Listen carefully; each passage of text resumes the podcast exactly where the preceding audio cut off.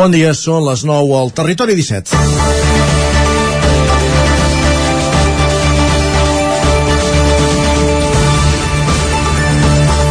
El Departament d'Educació ha comunicat aquest dimarts a les famílies de l'Escola El Roser de Sant Julià de Vilatorta que el centre continuarà obert el curs que ve.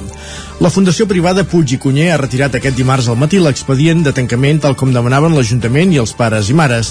El que encara està per aclarir és qui assumirà la titularitat de l'escola, amb quin projecte educatiu i quina viabilitat, però el Departament assegura que els detalls quedaran tancats pel maig amb l'objectiu de disposar de tota la informació i garanties abans del període d'inscripció del juny. D'aquesta manera resol en primera instància una crisi iniciada a principis del mes de març quan les famílies van rebre una carta del centre anunciant el seu tancament. La pressió d'aquestes 200 famílies ha aturat per ara una situació que inicialment semblava irreversible i que en les darreres setmanes s'han anat reconduint entre l'Ajuntament i el Departament amb la possibilitat que la FEDAC, que ja gestiona dos centres més a Osona, se'n faci càrrec. En els propers dies veurem si aquesta és la sortida, però el cas és que es garanteix la continuïtat del projecte i les famílies no han de, no han de córrer ara a buscar un nou centre pel setembre. Dimecres, 27 d'abril de 2022, Mare de Déu de Montserrat. Felicitem a les Montses i Montserrats i comencem al Territori 17, a la sintonia de Ràdio Cardedeu, la veu de Sant Joan, Ona Codinenca, Ràdio Vic, el 9 FM i el 9 TV. Territori 17, amb Isaac Moreno i Jordi Sunyer.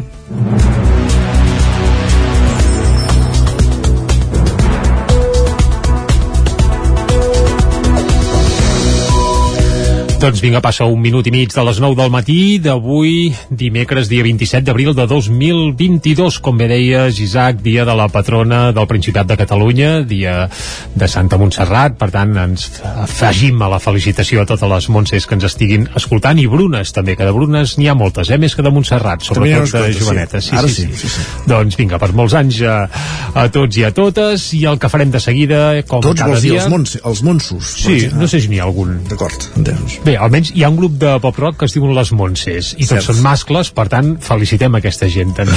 Molt bé. Vinga, fet aquest apunt ja us avancem que aquí a Territori 17 a la primera hora de 9 a 10 us acostarem com fem sempre tota l'actualitat de les nostres comarques després a partir de les 10 actualitzarem de nou el butlletí informatiu i com cada dia arribarà l'entrevista Avui amb Caral Campàs des d'Ona Codinenca conversarem amb Manel Seguer del centre de Castellterçol per parlar de la programació que ha encetat aquest cap de setmana. Doncs tots els detalls d'aquesta programació a Castellterçol a l'entrevista d'avui. A dos quarts d'onze serà el moment que ens visiti en Guillem Sánchez per parlar de piulades. Uh, tot seguit passarem per la taula de redacció i avui, com que és dimecres, ens tocarà parlar de literatura en lletra ferits. Amb en Joan Garcia, de la veu de Sant Joan, que ens acosta la figura del poeta Josep Picola a través de Dolors Vilamitjana que n'ha fet un llibre precisament d'aquest autor de Sant Joan de les Abadesses. A les 11 actualitzarem de nou el butlletí informatiu i tot seguit arribarà al territori sostenible. Com cada setmana amb Jordi Givert des d'Ona Codinenca i con... construir, anava a dir no Sí, uh, la descobrint, descobrint propostes sostenibles a l'entorn de casa nostra. Correcte, la setmana passada ens parlava del gat fer, eh? del gat Correcte. salvatge. Uh, aviam, aviam què ens sorprèn avui. A dos quarts de dotze serà el moment, com cada dia, de pujar a la R3, a la Trenc d'Alba, i com cada dimecres el que farem és acabar el programa, com Isaac. Amb l'agenda cultural, amb la roda per totes les emissores del territori 17 per saber quins són els principals actes dels, pels propers dies a l'agenda cultural, eh, d'espectacles, de concerts, d'obres de teatre a casa nostra. Per exemple, podrem anar a Castellterçol, on ja ens ha quedat clar, i a l'entrevista detallarem més aspectes que arrenquen una programació estable al centre.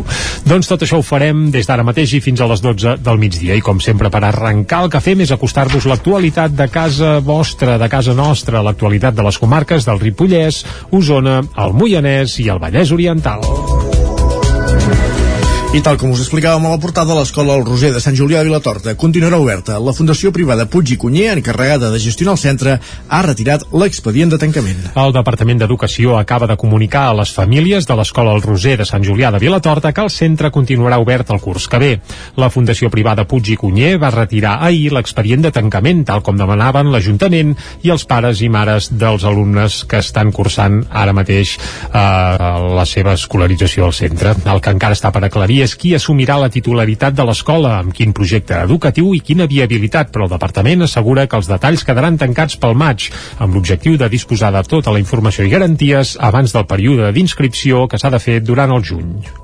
La Universitat de Vic celebra el seu 25è aniversari. La celebració, que s'allargarà fins al mes d'octubre, enviarà l'acte central el dia 20 de maig, un dia abans de la commemoració dels 25 anys de l'aprovació al Parlament de Catalunya de la Llei de Reconeixement de la Universitat de Vic.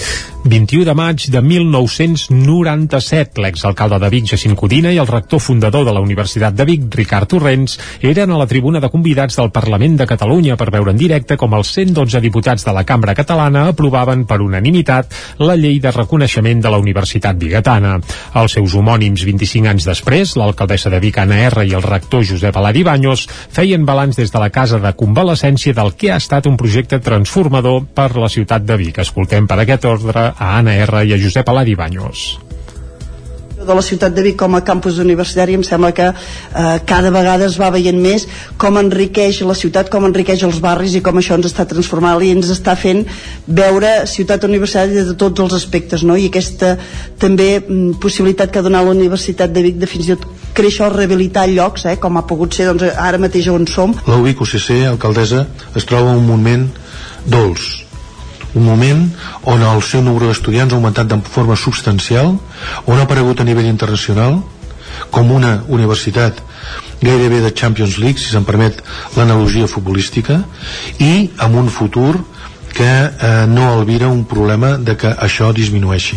Un moment dolç, no exempt, però de reptes de gran envergadura. Escoltem el rector de la Universitat Bigatana, Josep Aladi Baños. Ens falta créixer amb alguns graus en ciències socials, amb una visió més moderna de lo que són les ciències socials, i després un altre aspecte que a mi em preocupa especialment és eh, com recuperar el número d'estudiants que anem a tenir amb els graus de mestre. I l'última última cosa que també és una preocupació del rector però crec que compartida per molts dels responsables acadèmics és eh, eh, afavorir la transversalització. Això em refereixo a que puguin haver-hi col·laboracions entre les diferents facultats actuals i que els professors puguin anar d'una banda a l'altra. La celebració del 25è aniversari, que es farà entre els mesos d'abril i d'octubre, comptarà amb una trentena d'actes. El plat fort, però, no arribarà fins al 20 de maig. El detalla Anna Sabata, secretària general de la Universitat de Vic. Al matí hi ha l'acte institucional, que també vindrà la consellera d'Universitats i Recerca, i llavors hi ha un ponent que ens vindrà a parlar de l'educació superior, que és el doctor Javier Paricio. A la tarda hi ha un acte a l'Atlàntida pensat per la comunitat és un espectacle i a partir del lema de persones, coneixement i territori es farà una projecció del passat, present i futur d'aquesta institució. El lema que marcarà els actes del 25è aniversari serà Persones, Coneixement, Territori. També serà el títol aquest d'una exposició que es podrà veure a partir del 2 de maig al Palau Robert de Barcelona i que explicarà la naturalesa de la Universitat de Vic. Amb el mateix nom, l'endemà, una mostra que s'instal·larà a l'Espai Josep Bernis, al campus Miramarges, repassaran imatges als 25 anys de la universitat. Doncs si li permetem l'analogia futbolística al rector, també podem recordar que el 20 de maig d'un altre any, de l'92, eh, el Barça guanyava la seva primera Copa d'Europa, però vaja, Sí. Efemèrides. El, el 97 Universitat de Vic, el 92 anys, eh? Copa d'Europa, 5 Exacte. anys, per tant en farà 30, eh? De la primera Copa d'Europa i tu te'n recordes, eh? Oh, esclar, tu també. Sí, també, també, cas entena. Més Com qüestions. temps. Va, més qüestions. El nou centre d'urgències d'assistència primària de Granollers obre les seves portes avui, un nou espai amb 720 metres quadrats i 30 professionals. Núria Lázaro, de Ràdio Televisió, Cardedeu. El centre està ubicat on hi havia l'antiga policlínica al carrer Girona de Granollers i la inauguració oficial es farà aquest divendres amb el conseller de Salut, Josep Maria Argimon. Segons fons del Departament de Salut, el centre, que substituirà el que ha funcionat fins ara a l'Avinguda del Parc, ocuparà 762 metres quadrats a la planta baixa de l'edifici i restarà obert les 24 hores del dia tots els dies de l'any per atendre urgències de baixa complexitat. El centre comptarà amb tres consultes d'atenció ràpida, dos bocs polivalents, quatre bocs d'observació, un box d'aïllament, un box de triatge, un box de reanimació cardiopulmonar, una sala de radiologia, un laboratori i una sala d'espera. També hi ha zones destinades a recepció, control central d'infermeria, sala de treball mèdic, magatzem i despatxos. El CUAP de Granollers ha funcionat des del novembre del 2020 de manera provisional a l'Avinguda del Parc per evitar desplaçaments a les urgències dels hospitals. Segons fons de salut, l'any passat van fer una mitjana de 100 atencions diàries. La inauguració oficial del CUAP es farà aquest divendres a les 11 del matí amb la presència del conseller de Salut Josep Maria Argimon i l'alcaldessa de Granollers Alba Bernusell.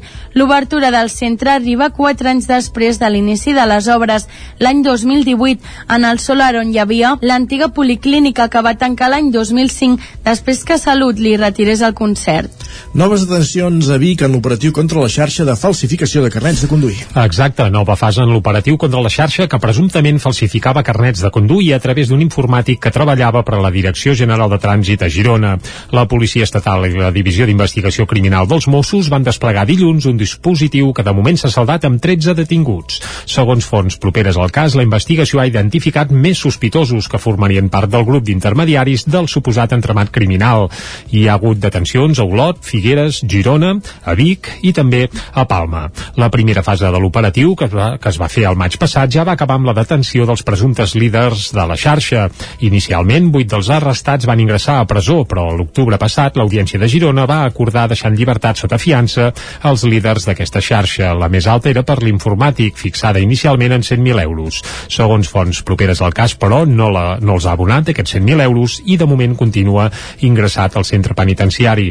La resta d'investigats estarien en llibertat. Pel que fa als 13 detinguts d'aquest dilluns, està previst que passin a disposició, a disposició judicial avui mateix, dimecres. Els hi atribueixen delictes de falsedat documental, suborn i pertinença a organització criminal. Mentrestant, al Moianès, una vintena de joves podran continuar els seus estudis de formació professional gràcies a les beques de la Fundació Impulsa, Ona Codinenca, Caral Campàs.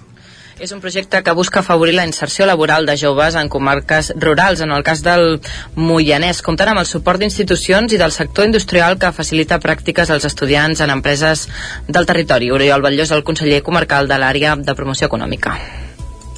I això la Fundació Impulsa ho financia a través dels seus propis recursos i també el que, el que, el que busquen és a altres eh, empreses de, i en aquest cas eh, és el que ara començaran a fer o ja estan fent busquen empreses de, de la comarca que també es vulguin adherir al projecte i doncs a, a cofinançar o finançar doncs a becar el, a, a aquests estudiants. Per tal de poder acompanyar els joves que rebran la beca en el seu creixement professional, la Fundació busca persones voluntàries que vulguin fer de mentors. El projecte busca ajudar joves en situació de vulnerabilitat econòmica.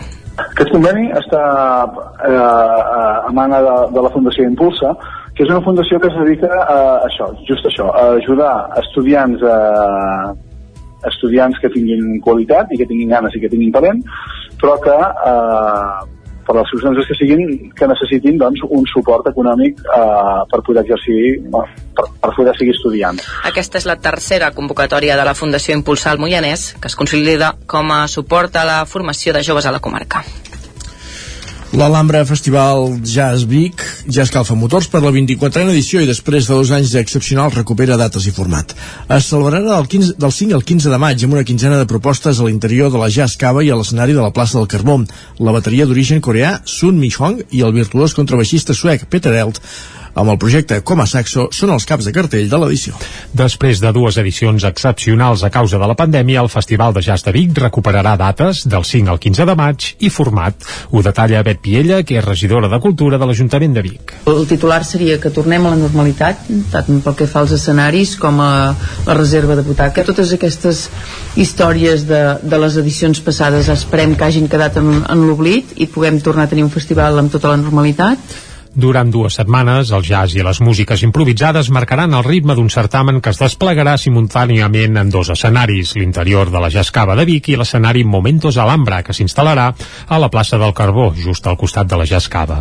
L'edició, com ja és habitual, s'encetarà amb el pianíssim, enguany amb la pianista, experta en improvisació, Jordina Millà. Jordi Mestres Trio, Manel Fortià, una sessió del disjockey Miguelito Superstar o una jam session amb músics de la comarca completaran el cartell del primer cap de setmana del festival. També ho farà la fusió entre Oriol Roca Trio i la cantant belga Lynn Cassiers, un concert inèdit que es gravarà en directe i s'editarà posteriorment en vinil.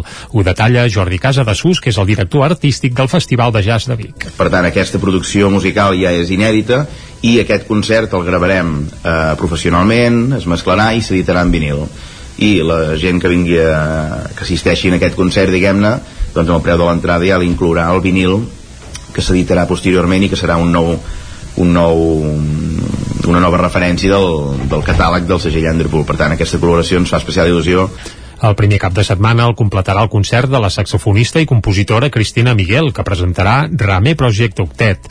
El segon cap de setmana inclourà els caps de cartell de l'edició, la bateria d'origen coreà Sun Mi Hong i el virtuós contrabaixista suec Peter Elt, amb el projecte com a saxo.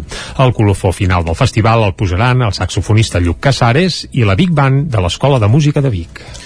Gràcies, Jordi. A la pàgina esportiva, l'Ajuntament d'Ugassa instal·larà un rocòdrom en una de les parets del pavelló. La veu de Sant Joan, Isaac Muntades. L'Ajuntament d'Ugassa instal·larà un rocòdrom a la paret del pavelló que dona al camp de futbol gràcies a una subvenció de 168.000 euros provinents dels fons europeus Next Generation. L'objectiu d'aquesta ajuda és dinamitzar el turisme per ser una destinació turística més atractiva a la comarca. En el cas d'Ugassa se'ls demanava un projecte singular i com que pel poble hi passen persones que van a unes vies d'escalada properes, pot ser un reclam per si volen entrenar-hi. L'alcalde ugassenc, Josep Trems, detallava les finalitats de l'equipament. Podríem muntar un rocòdrom, un rocòdrom exterior que amb una doble finalitat. Per una banda, el propi esport, per practicar l'escalada, i per l'altra banda també ens serveix doncs, per tapar ja tota una façana del pavelló, que, que la tenim doncs, doncs, sense vestir de, de pedra. I a més a més, eh, l'altra finalitat d'aquest rocòdrom és empreses d'aventura, que per exemple hi ha un parell de nois de Sant Joan, dos nois que tenen una empresa d'esports d'aventura, fan de guies de muntanya, etc.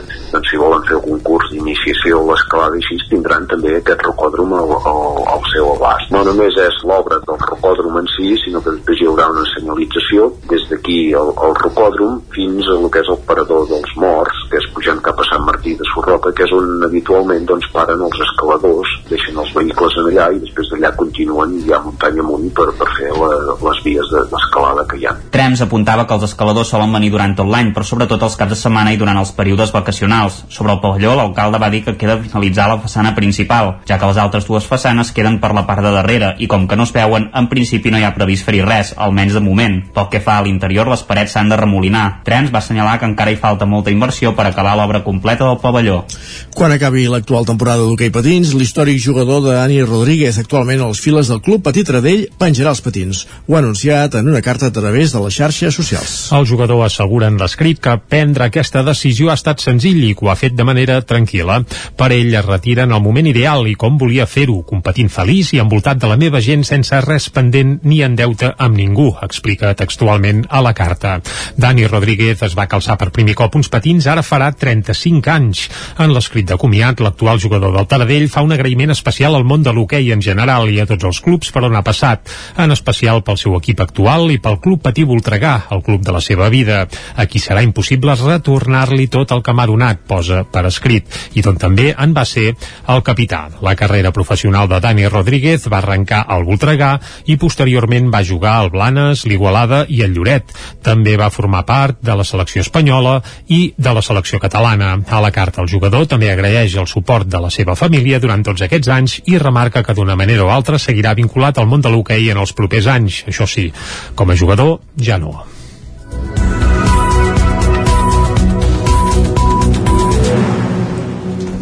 I el que té pendent ara mateix Dani Rodríguez és el repte de, de l'ascens amb el Club Patí Tardell mm -hmm. eh, pel retorn a l'Hockey Lliga. Exacte, queden dos partits, eh, per cert, d'Hockey Lliga Plata i el Taradell el jugarà contra el primer i el segon, per tant, si els guanyés tots dos, cap a Hockey Lliga directe.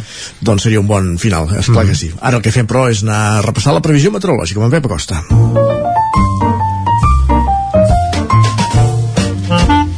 Casa Terradellos us ofereix el temps. Doncs exacte, deixem el temps i com que els pavellons d'hoquei si plou ja tenen sostre, no, no ha d'afectar de cap manera, però li demanarem el temps igualment al Pep Acosta oh, aquests dies. Eh? Sí, bé. I, I a Caldes Pols d'obres també. També, encara. també, també. A Taradell per això hi he anat uns quants cops i no he vist mai goteres, com en algun altre pavelló no podríem dir el mateix, a Taradell diria que el sostre el tenen bé, però vaja, deixem-nos de sostres de pavellons, anem cap al temps. Pep, molt bon dia. Hola, molt bon dia. I bona hora. Què tal esteu? Bé, bé. Benvinguts a Informació meteorològica. Gràcies. Ja estem aquí a l'espai del temps. Uh -huh. Ja estem a l'equador de la setmana laboral. Eh, com passen eh, les setmanes, com passen els dies. Eh, massa pressa, aviam si hauríem de posar una pausa o alguna perquè és que passen massa, massa de pressa. i avui ens llevem amb unes temperatures més altes. Uh, més altes per què? doncs perquè hi ha més núvols. Uh, tenim més nuvolositat hi ha un front des de l'oest de la península ibèrica que ens afecta una mica uh, però passa amb més pena que glòria uh, és molt poc actiu però això ens està deixant més núvols i uh, fa, com un fa com un matalàs i fa que les temperatures eh, pugin, siguin més altes degut a això, eh, que és com un matalàs i no fa que, que les temperatures puguin baixar tant. La majoria de mínimes eh, entre els 7 i els 12 graus.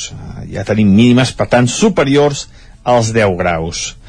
Eh, això, durant el dia d'avui, molts núvols baixos, eh, també eh, de cara a la tarda més nuvolositat, aquest front s'acostarà una mica més, però sense precipitacions. Els únics jocs que plourà serà cap a Lleida, cap a l'oest de Catalunya, però les comarques sembla que no plourà.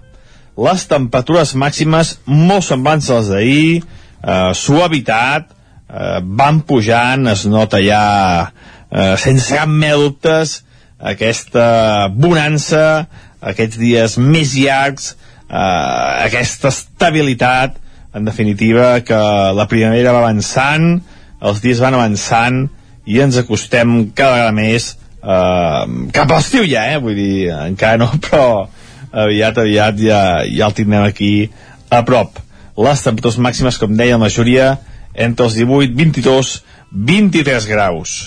I els vents eh, febles, de direccions variables, predominant el vent d'oest i de sud. Aquests vents també ajuden a que les temperatures no puguin baixar i es mantinguin molt, molt suaus. I això és tot. A disfrutar el dia d'avui, d'un dia amb un petit front que ens passa, amb més pena que glòria i amb unes temperatures molt suaus. Moltes gràcies, adeu. Vinga, sí, tranquil·litat. Moltes de res, Pep, sí. Uh, en teoria podríem fer els partits d'hoquei als que fèiem referència abans uh, a l'aire lliure i tot, potser, va. Va, anem cap al quiosc. Anem cap al quiosc, vinga. Casa Tarradellas us ha ofert aquest espai. Quioscos, els que queden, que tampoc es mullaran, doncs. Repassem portades. Perdona, Passem, micro, ara sí, ara sí, repassem portades i que ho farem, com sempre, començant pel punt avui, que titula No n'hi ha prou. No fa referència a cap concert ni a goteres a cap pavelló, sinó que fa referència al Catalan Gate. L'independentisme i Podem exigeixen dimissions per l'espionatge del CNI. Volen una comissió d'investigació perquè recelen de la de secrets oficials i també s'explica que la taula de negociació a la nevera mentre no s'assumeixin responsabilitats. La fotografia, però, no va del Catalan Gate, sinó que va d'Ucraïna i de Putin. Recordes aquella fotografia famosa de fa un meset amb una taula gegantina sí. i Putin a un cantó i el Macron president Macron a l'altre? Sí.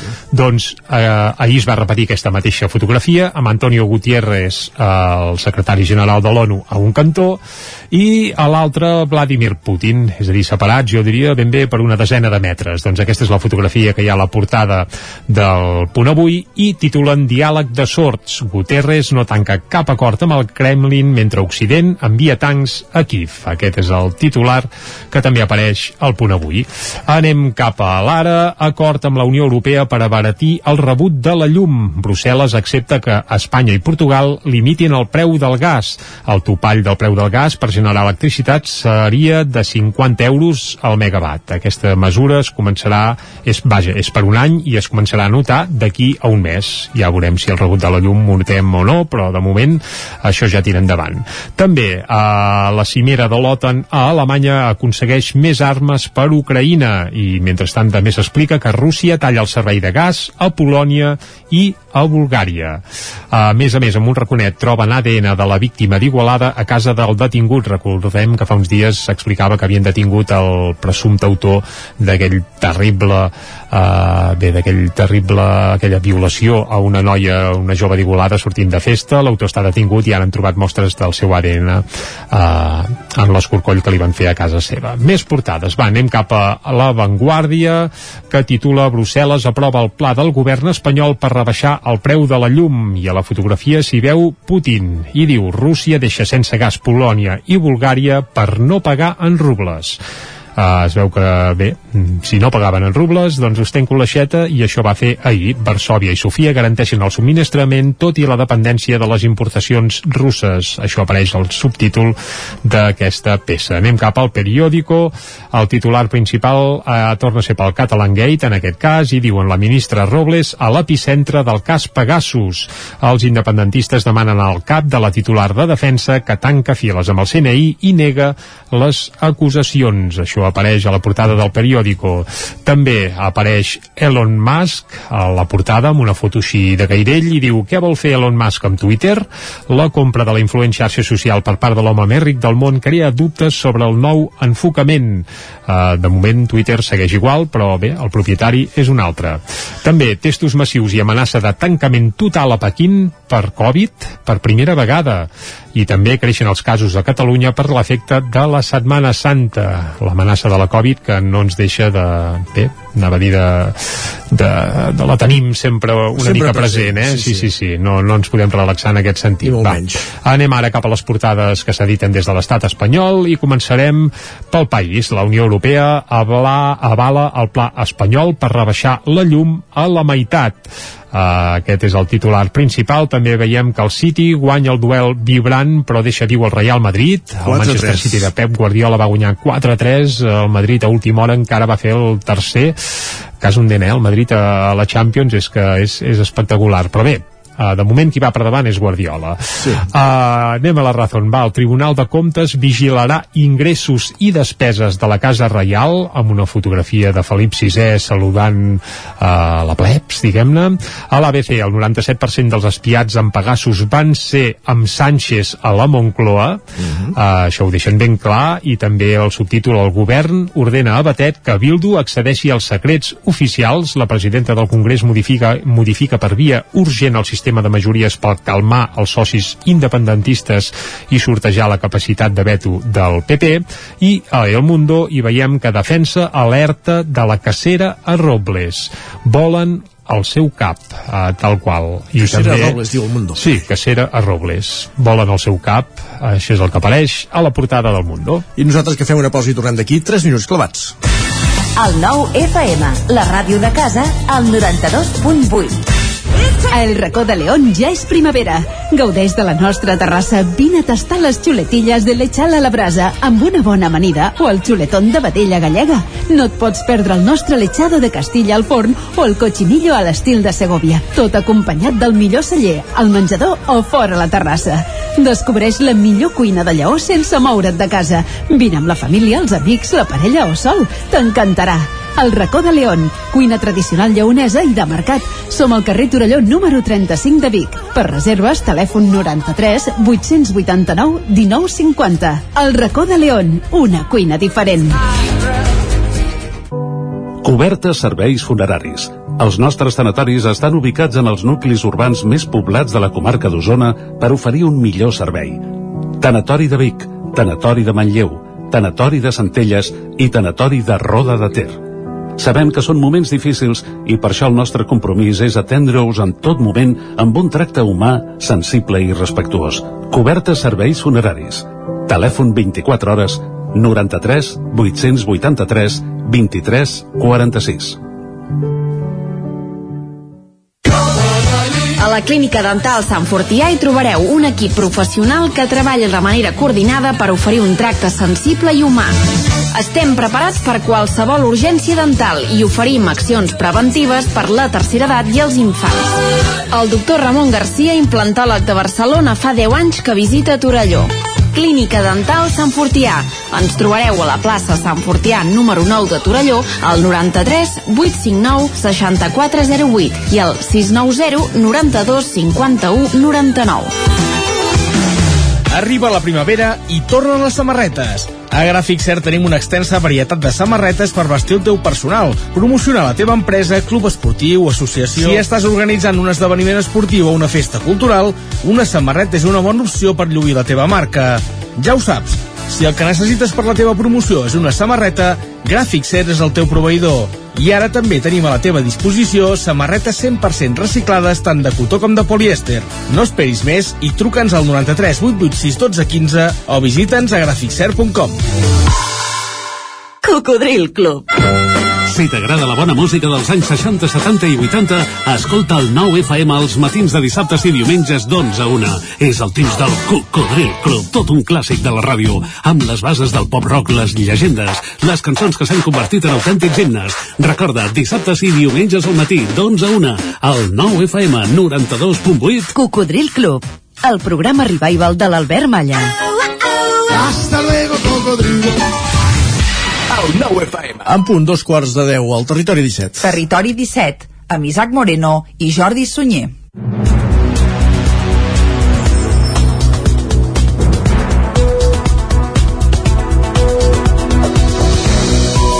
I a dos quarts de deu en punt d'avui, dia de Santa Montserrat, patrona de Catalunya, seguim en directe aquí a Territori 17 i de seguida el que farem és acostar-vos de nou tota la informació de les nostres comarques. Però abans ja us avancem una mica el menú que ens espera fins a les 12 del migdia. Just abans de les 10 hi posarem una mica de música. Avui per escoltar Miona. Saps Miona. qui és? No, Isaac Miona. ara mateix no. Doncs una cantautora del Coll de Cabra que aquest dissabte estrenarà nou disc, el seu segon disc en solitari i nosaltres doncs li farem una mica de propaganda i escoltarem una de les seves cançons. Va. A les 10 en punt, va, actualitzarem butlletí informatiu i tot seguit a l'entrevista anirem cap a una codinenca, oi? Exacte, amb la Caral Campàs conversarem amb Manel Seguer del centre de Castellterçol, al Moianès, per parlar de la programació que ha encetat aquest cap de setmana. A dos quarts d'onze serà el moment de les piulades amb el permís d'Elon Musk i amb la visita d'en Guillem Sánchez. Tot seguit eh, anirem a la taula de redacció i avui que és dimecres ens tocarà parlar de literatura. Amb en Joan Garcia, de la veu de Sant Joan, que ens acostarà la figura del poeta Josep Picola a través de Dolors Vilamitjana, autora del volum sobre aquest autor. Uh, cap a les 11 actualitzarem de nou els butlletins informatius, ens posarem de nou al dia i tot seguit arribarà al territori sostenible. Amb en Jordi Givert, des d'Ona Codinenca, coneixent experiències sostenibles al nostre territori. I acabarem, com sempre, la darrera mitja hora del programa pujant a la R3, a la Trenc d'Alba, i avui, com que és dimecres, com ho enllestirem, això, Isaac? Amb l'agenda cultural, ja ho sabeu, amb la roda que fem cada setmana per les diferents emissores del territori 17 per conèixer els principals actes culturals pels propers dies. I ara, un cop fet aquest repàs, el que ens toca és acostar-vos de nou, ja ho sabeu, l'actualitat de les nostres comarques, les comarques del Vallès Oriental, el Moianès, Osona i el Ripollès. I tal com us explicàvem a la portada, l'escola El Roser de Sant Julià de Vilatorta continuarà oberta. La Fundació Privada Puig i Cunyer, encarregada de gestionar el centre, ha retirat l'expedient de tancament. El Departament d'Educació acaba de comunicar a les famílies de l'Escola El Roser de Sant Julià de Vilatorta que el centre continuarà obert el curs que ve. La Fundació Privada Puig i Cunyer va retirar ahir l'expedient de tancament, tal com demanaven l'Ajuntament i els pares i mares dels alumnes que estan cursant ara mateix eh, la seva escolarització al centre. El que encara està per aclarir és qui assumirà la titularitat de l'escola, amb quin projecte educatiu i quina viabilitat, però el departament assegura que els detalls quedaran tancats pel maig, amb l'objectiu de disposar de tota la informació i garanties abans del període d'inscripció que s'ha de fer durant el juny. La Universitat de Vic celebra el seu 25è aniversari. La celebració, que s'allargarà fins al mes d'octubre, viurà l'acte central el dia 20 de maig, un dia abans de la commemoració dels 25 anys de l'aprovació al Parlament de Catalunya de la llei de reconeixement de la Universitat de Vic. 21 de maig de 1997, l'exalcalde de Vic, Jacint Codina, i el rector fundador de la Universitat de Vic, Ricard Torrents, eren a la tribuna de convidats del Parlament de Catalunya per veure en directe com els 112 diputats de la Cambra Catalana aprovaven per unanimitat la llei de reconeixement de la Universitat Bigatana. Els seus homònims 25 anys després, l'alcaldessa de Vic, Anna R, i el rector Josep Aladi Baños feien balanç des de la casa de convalescència del que ha estat un projecte transformador per la ciutat de Vic. Escoltem per aquest ordre a Anna R i a Josep Aladi Baños de la ciutat de Vic com a campus universitari em sembla que eh, cada vegada es va veient més com enriqueix la ciutat, com enriqueix els barris i com això ens està transformant i ens està fent veure ciutat universitària de tots els aspectes no? i aquesta també mm, possibilitat que ha donat la Universitat de Vic de fins i tot créixer o rehabilitar llocs eh, com ha pogut ser doncs, ara mateix on som La UIC UCC, alcaldessa, es troba un moment dolç un moment on el seu nombre d'estudiants ha augmentat de forma substancial, on ha aparegut a nivell internacional com una universitat gairebé de Champions League, si se'n permet l'analogia futbolística, i amb un futur que eh, no albira un problema de que això disminueixi. Un moment dolç, no exempt, però de reptes de gran envergadura. Escoltem el rector de la Universitat Bigatana, Josep Aladi Banyos. Ens falta créixer amb alguns graus en ciències socials, amb una visió més moderna de lo que són les ciències socials, i després un altre aspecte que a mi em preocupa especialment és eh, com recuperar el número d'estudiants que anem a tenir amb els graus de mestre. I l última cosa que també és una preocupació del rector però crec que compartida per molts dels responsables acadèmics és eh, eh, afavorir la transversalització. Això em refereixo a que puguin haver-hi col·laboracions entre les diferents facultats actuals i que els professors puguin anar d'una banda a l'altra. La celebració del 25è aniversari, que es farà entre els mesos d'abril i d'octubre, comptarà amb una trentena d'actes. El plat fort, però, no arribarà fins al 20 de maig. El detalla Anna Sabata, secretària general de la Universitat de Vic. Al matí hi ha l'acte institucional, que també vindrà la consellera d'Universitats i Recerca, i llavors hi ha un ponent que ens vindrà a parlar de l'educació superior, que és el doctor Javier Paricio. A la tarda hi ha un acte a l'Atlàntida pensat per la comunitat és un espectacle i a partir del lema de persones, coneixement i territori es farà una projecció del passat, present i futur d'aquesta institució. El lema que marcarà els actes del 25è aniversari serà Persones, Coneixement, Territori. També serà el títol aquest d'una exposició que es podrà veure a partir del 2 de maig al Palau Robert de Barcelona i que explicarà la naturalesa de la Universitat de Vic. Amb el mateix nom, l'endemà, una mostra que s'instal·larà a l'espai Josep Bernis, al campus Miramarges, repassaran imatges als 25 anys de la universitat. Doncs si li permetem l'analogia futbolística al rector, també podem recordar que el 20 de maig d'un altre any, del 92, eh, el Barça guanyava la seva primera Copa d'Europa, però vaja. Sí. Efemèrides. El, el 97 Universitat de Vic, el 92 anys, eh? Copa d'Europa, 5 Exacte. anys, per tant en farà 30, eh? De la primera Copa d'Europa i tu te'n recordes, eh? Oh, esclar, tu també. Sí, també, també, cas endena. Més Com qüestions. Temps? Va, més qüestions. El nou centre d'urgències d'assistència primària de Granollers obre les seves portes avui, un nou espai amb 720 metres quadrats i 30 professionals. Núria Lázaro, de Ràdio Televisió, Cardedeu. El centre està ubicat on hi havia l'antiga policlínica al carrer Girona de Granollers i la inauguració oficial es farà aquest divendres amb el conseller de Salut, Josep Maria Argimon. Segons fons del Departament de Salut, el centre, que substituirà el que ha funcionat fins ara a l'Avinguda del Parc, ocuparà 762 metres quadrats a la planta baixa de l'edifici i restarà obert les 24 hores del dia tots els dies de l'any per atendre urgències de baixa complexitat. El centre comptarà amb tres consultes d'atenció ràpida, dos bocs polivalents, quatre bocs d'observació, un box d'aïllament, un box de triatge, un box de reanimació cardiopulmonar, una sala de radiologia, un laboratori i una sala d'espera. També hi ha zones destinades a recepció, control central d'infermeria, sala de treball mèdic, magatzem i despatxos. El CUAP de Granollers ha funcionat des del novembre del 2020 de manera provisional a l'Avinguda del Parc per evitar desplaçaments a les urgències dels hospitals. Segons fons de salut, l'any passat van fer una mitjana de 100 atencions diàries. La inauguració oficial del CUAP es farà aquest divendres a les 11 del matí amb la presència del conseller de Salut Josep Maria Argimon i l'alcaldessa de Granollers Alba Bernusell. L'obertura del centre arriba 4 anys després de l'inici de les obres, l'any 2018, en el solar on hi havia l'antiga policlínica clínica que va tancar l'any 2005 després que Salut li retirés el concert.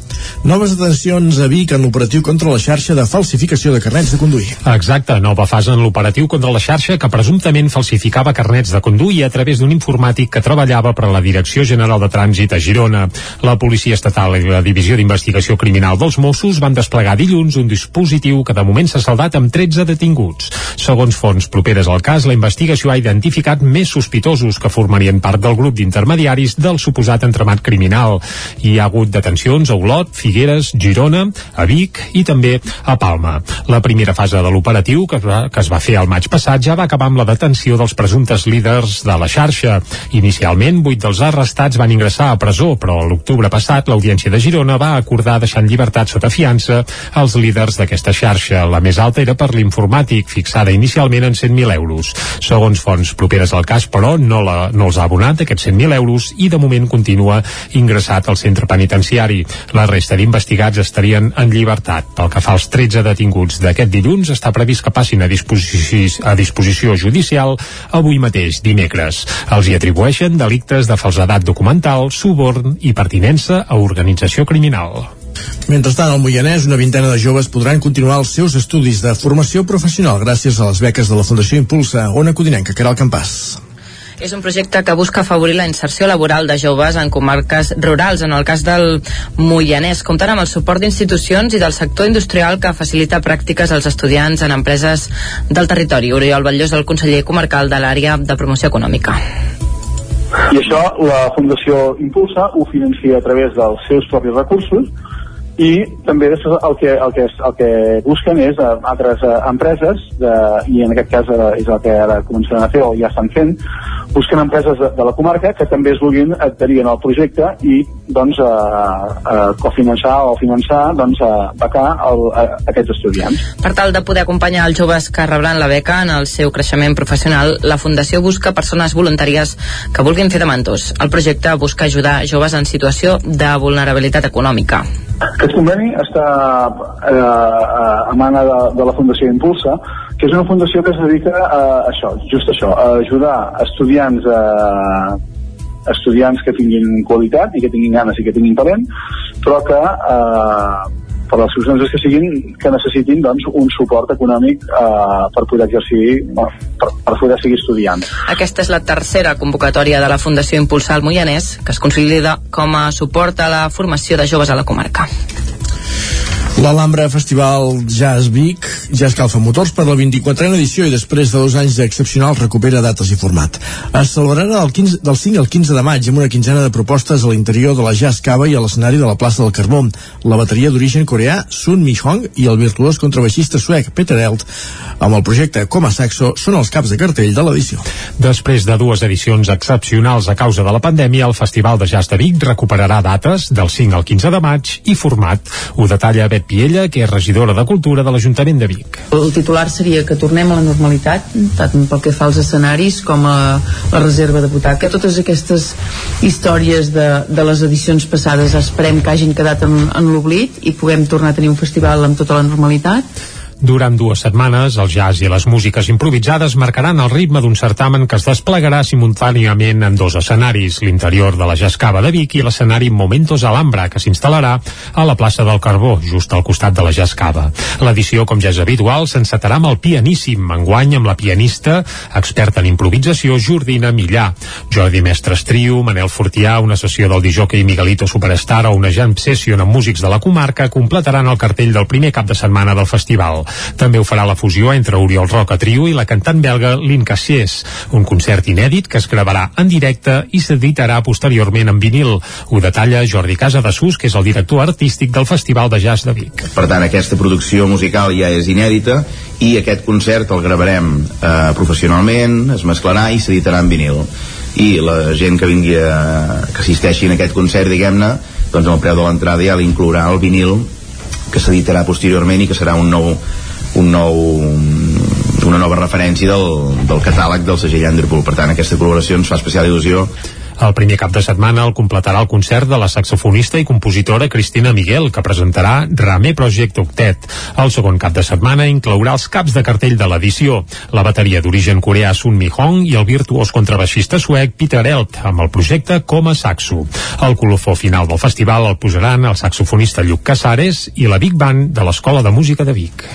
Gràcies, Jordi. A la pàgina esportiva, l'Ajuntament d'Ugà s'instal·larà un rocòdrom en una de les parets del pavelló, la veu de Sant Joan, Isaac Muntades. L'Ajuntament d'Ugassa instal·larà un rocòdrom a la paret del pavelló que dona al camp de futbol gràcies a una subvenció de 168.000 euros provinents dels fons europeus Next Generation. L'objectiu d'aquesta ajuda és dinamitzar el turisme per ser una destinació turística més atractiva a la comarca. En el cas d'Ugassa se'ls demanava un projecte singular i com que pel poble hi passen persones que van a unes vies d'escalada properes, pot ser un reclam per si volen entrenar-hi. L'alcalde ugassenc, Josep Trems, detallava les finalitats de l'equipament. Podríem muntar un rocòdrom, un rocòdrom exterior que amb una doble finalitat per una banda el propi esport per practicar la- l'escalada i per l'altra banda també ens serveix doncs, per tapar ja tota una façana del pavelló que, que la tenim doncs, doncs, sense vestir de, de pedra i a més a més eh, l'altra finalitat d'aquest rocòdrom és empreses d'aventura que per exemple hi ha un parell de nois de Sant Joan dos nois que tenen una empresa d'esports de- d'aventura, fan de guies de muntanya etc.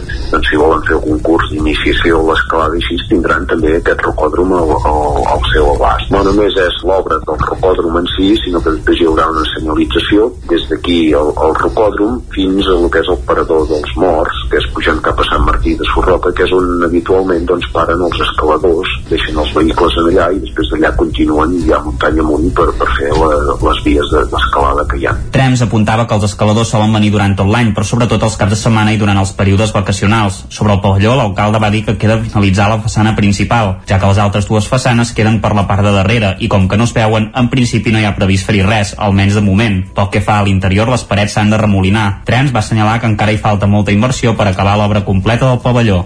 Quan acabi l'actual temporada d'hoquei patins, l'històric jugador de Dani Rodríguez, actualment a les files del club Petit Radell, penjarà els patins. Ho ha anunciat en una carta a través de les xarxes socials. El jugador assegura en l'escrit que prendre aquesta decisió ha estat senzill i que ho ha fet de manera tranquil·la.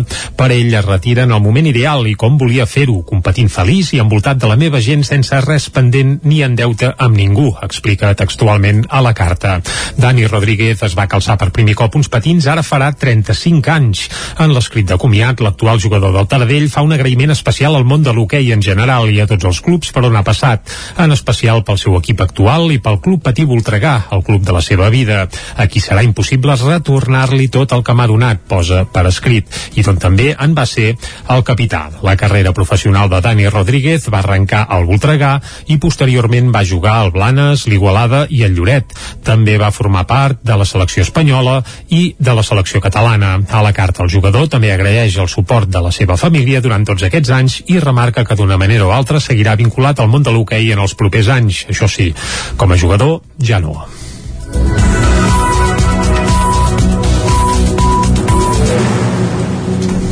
I el que té pendent ara mateix Dani Rodríguez és el repte de, de l'ascens amb el Club Patí Tardell mm -hmm. eh, pel retorn a l'Ho- a l'Hockey Lliga. Exacte, queden dos partits, eh, per cert, d'hoquei Lliga Plata i el Taradell se- el jugarà contra el primer i el segon, per tant, si els guanyés tots dos, cap a hoquei Lliga directe.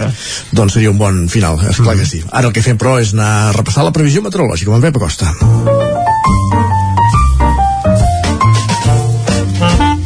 Casa Terradellos us ofereix el temps.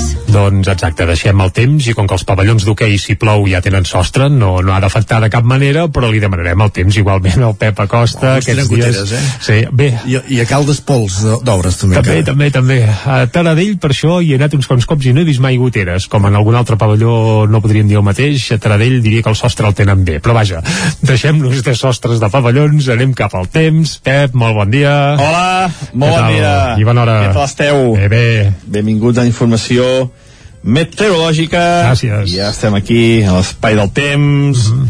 Ja estem a l'equador de la setmana laboral. Eh, com passen eh, les setmanes, com passen els dies.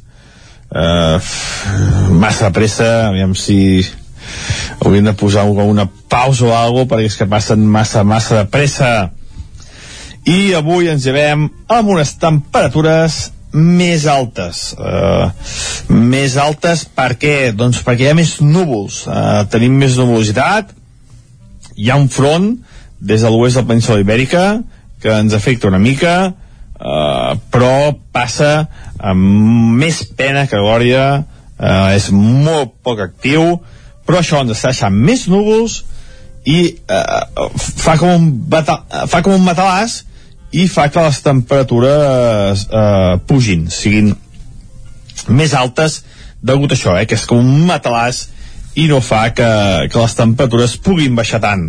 La majoria de mínimes eh, entre els 7 i els 12 graus. Eh, ja tenim mínimes, per tant, superiors als 10 graus.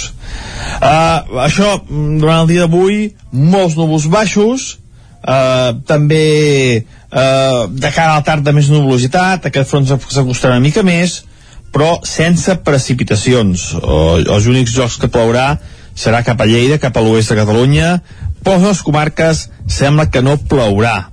les temperatures màximes molt semblants a les d'ahir, eh, suavitat, eh, van pujant, es nota ja eh, sense cap dubtes aquesta bonança, aquests dies més llargs, eh, aquesta estabilitat, en definitiva, que la primavera va avançant, els dies van avançant i ens acostem cada vegada més eh, cap al estiu ja, eh? vull dir, encara no, però aviat, aviat ja, ja el tindrem aquí a prop. Les temperatures màximes, com deia la majoria, entre els 18, 22, 23 graus. I els vents eh, febles, de direccions variables, predominant el vent d'oest i de sud. Aquests vents també ajuden a que les temperatures no puguin baixar i es mantinguin molt, molt suaus. I això és tot. A disfrutar el dia d'avui, d'un dia amb un petit front que ens passa, amb més pena que glòria i amb unes temperatures molt suaus. Moltes gràcies, adeu. Vinga, tranquil·litat. Moltes de res, Pep, sí. Uh, en teoria podríem fer els partits d'hoquei als que fèiem referència abans uh, a l'aire lliure i tot, potser, va. Va, anem cap al anem quiosc. cap al quiosc, vinga. Casa Tarradellas us ha ofert aquest espai. Quioscos, els que queden, que tampoc es mullaran, doncs. Repassem portades. Perdona, Passem, ara sí, ara sí, repassem portades i que ho farem, com sempre, començant pel punt avui, que titula No n'hi ha prou. No fa referència a cap concert ni a goteres a cap pavelló, sinó que fa referència al Catalan Gate. L'independentisme i Podem exigeixen dimissions per l'espionatge del CNI. Volen una comissió d'investigació perquè recelen de la de secrets oficials i també s'explica que la taula de negociació a la nevera mentre no s'assumeixin responsabilitats. La fotografia, però, no va del Catalan Gate, sinó que va d'Ucraïna i de Putin. Recordes aquella fotografia famosa de fa un meset amb una taula gegantina Sí. i Putin a un cantó i el Macron president. Macron a l'altre? Sí. Doncs eh, ahir es va repetir aquesta mateixa fotografia amb Antonio Gutiérrez, eh, el secretari general de l'ONU, a un cantó i a l'altre Vladimir Putin, és a dir, separats, jo diria, ben bé per una desena de metres. Doncs aquesta és la fotografia que hi ha a la portada del punt avui i titulen Diàleg de sords. Guterres no tanca cap acord amb el Kremlin mentre Occident envia tancs a Kiev. Aquest és el titular que també apareix al punt avui. Anem cap a l'ara, acord amb la Unió Europea per abaratir el rebut de la llum. Brussel·les accepta que Espanya i Portugal limitin el preu del gas. El topall del preu del gas per generar electricitat seria de 50 euros al megawatt. Aquesta mesura es començarà, és, vaja, és per un any i es començarà a notar d'aquí a un mes. Ja veurem si el rebut de la llum ho notem o no, però de moment això ja tira endavant. També a la cimera de l'OTAN a Alemanya aconsegueix més armes per Ucraïna i mentrestant també s'explica que Rússia talla el servei de gas a Polònia i a Bulgària. A més a més, amb un raconet troben ADN de la víctima d'Igualada a casa del detingut. Recordem que fa uns dies s'explicava que havien detingut el presumpte autor d'aquell terrible eh, bé, d'aquell terrible aquella violació a una noia, una jove d'Igualada sortint de festa. L'autor està detingut i ara han trobat mostres del seu ADN eh, en l'escorcoll que li van fer a casa seva. Més portades. Va, anem cap a La Vanguardia, que titula Brussel·les aprova el pla del govern espanyol per rebaixar el preu de la llum i a la fotografia s'hi veu Putin i diu Rússia deixa sense gas Polònia i Bulgària per no pagar en rubles.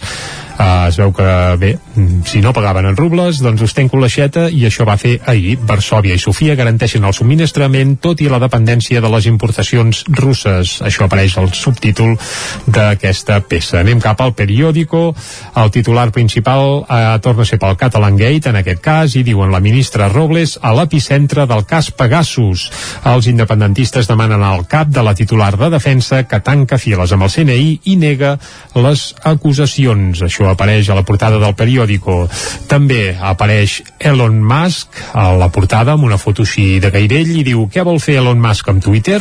La compra de la influent xarxa social per part de l'home més ric del món crea dubtes sobre el nou enfocament. Uh, de moment Twitter segueix igual, però bé, el propietari és un altre. També testos massius i amenaça de tancament total a Pequín per Covid per primera vegada.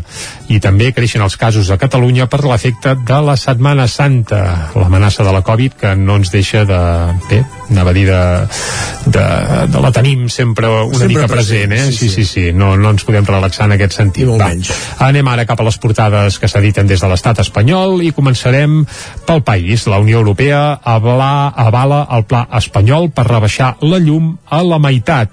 Uh, aquest és el titular principal. També veiem que el City guanya el duel vibrant però deixa viu el Real Madrid. El 4-3. Manchester City de Pep Guardiola va guanyar 4-3. El Madrid a última hora encara va fer el tercer. Cas un nen, eh? El Madrid a la Champions és que és, és espectacular. Però bé, Uh, de moment qui va per davant és Guardiola. Sí. uh, anem a la Razón. Va, el Tribunal de Comptes vigilarà ingressos i despeses de la Casa Reial amb una fotografia de Felip VI saludant uh, la plebs, diguem-ne. A l'ABC el 97% dels espiats en Pegasus van ser amb Sánchez a la Moncloa. Uh -huh. uh, això ho deixen ben clar i també el subtítol el govern ordena a Batet que Bildu accedeixi als secrets oficials. La presidenta del Congrés modifica, modifica per via urgent el sistema de majories per calmar els socis independentistes i sortejar la capacitat de veto del PP i a El Mundo hi veiem que defensa alerta de la cacera a Robles volen al seu cap, uh, tal qual. I Cacera a Robles, diu El Mundo. Sí, cacera a Robles. Volen al seu cap, això és el que apareix a la portada del Mundo. La ministra que no sap què és el New Yorker, ves, però... Uh, evidentment, al seu cap el volen metafòricament, eh? També sí, sí, que ningú, com que tot s'ho agafa molt al peu de la lletra, segons qui, doncs no, no, ja, ja ens entenem, ja ens entenem. Volen la seva dimissió, ras i curt. Uh, ja et ben asseguro que em sembla que mm, almenys a curt termini no, no la veig, no la veig, però No, això ja, ja, es veurà, ja, ja es veurà, ja s'acabarà veient com acaba tot plegat. La tàctica espanyola sempre és deixar passar el temps i que les coses es posin a lloc per si soles, però aviam, aviam en aquest cas quina és la tàctica catalana. Però deixem-nos de, bé, de Catalan Gate i anem a posar-hi música, Isaac, sí? Doncs va, avui hem avançat abans que escoltarem una peça de Miona. Qui és la, la Miona? Doncs la Miona és el nom artístic de la Mariona Vilà, que és una cantautora del Coll de Cabra, viu a mig camí entre Cantoni Gros i l'Esquirol, que bé, de jovenet havia format part d'alguns grups de pop-rock, de, per a l'entorn del Coll, del Coll de Cabra, i l'any 1997 va debutar en solitari amb un primer disc com a cantautora, un primer disc que es titulava uh, Cançons que curen, Cançons que curen. Aquell disc va tenir una bona acollida, uh, la Miona s'hi va sentir molt a gust, i ara, doncs, n'ha tret un altre, doncs un altre que es diu Va i Vent. El disc, per cert, encara no ha sortit, eh? Es preestrenarà aquest dissabte, dia 30 d'abril, en un concert que es farà a la cooperativa de l'Esquirol a partir de dos quarts de vuit del vespre. En aquest primer concert es podrà adquirir ja el disc per primera vegada, aquest disc es titula Va i Vent, on hi ha peces relacionades sobretot amb la maternitat, amb la, matu amb la natura, etc etc. I cal dir que aquest disc es presentarà oficialment, aquesta serà la preestrena, en un concert a Manlleu, en aquest cas a finals del mes de maig. De moment, però, per anar escalfant motors, el que farem és escoltar des de dins el món, una de les peces de Miona, aquesta cantautora, que recordem-ho, aquest dissabte preestrenarà en directe el seu segon disc que es titula Va i Vent. Ara escoltem aquesta peça, des de dins el món. Amb això arribarem fins al punt de les 10 a Territori 17. Seràs viva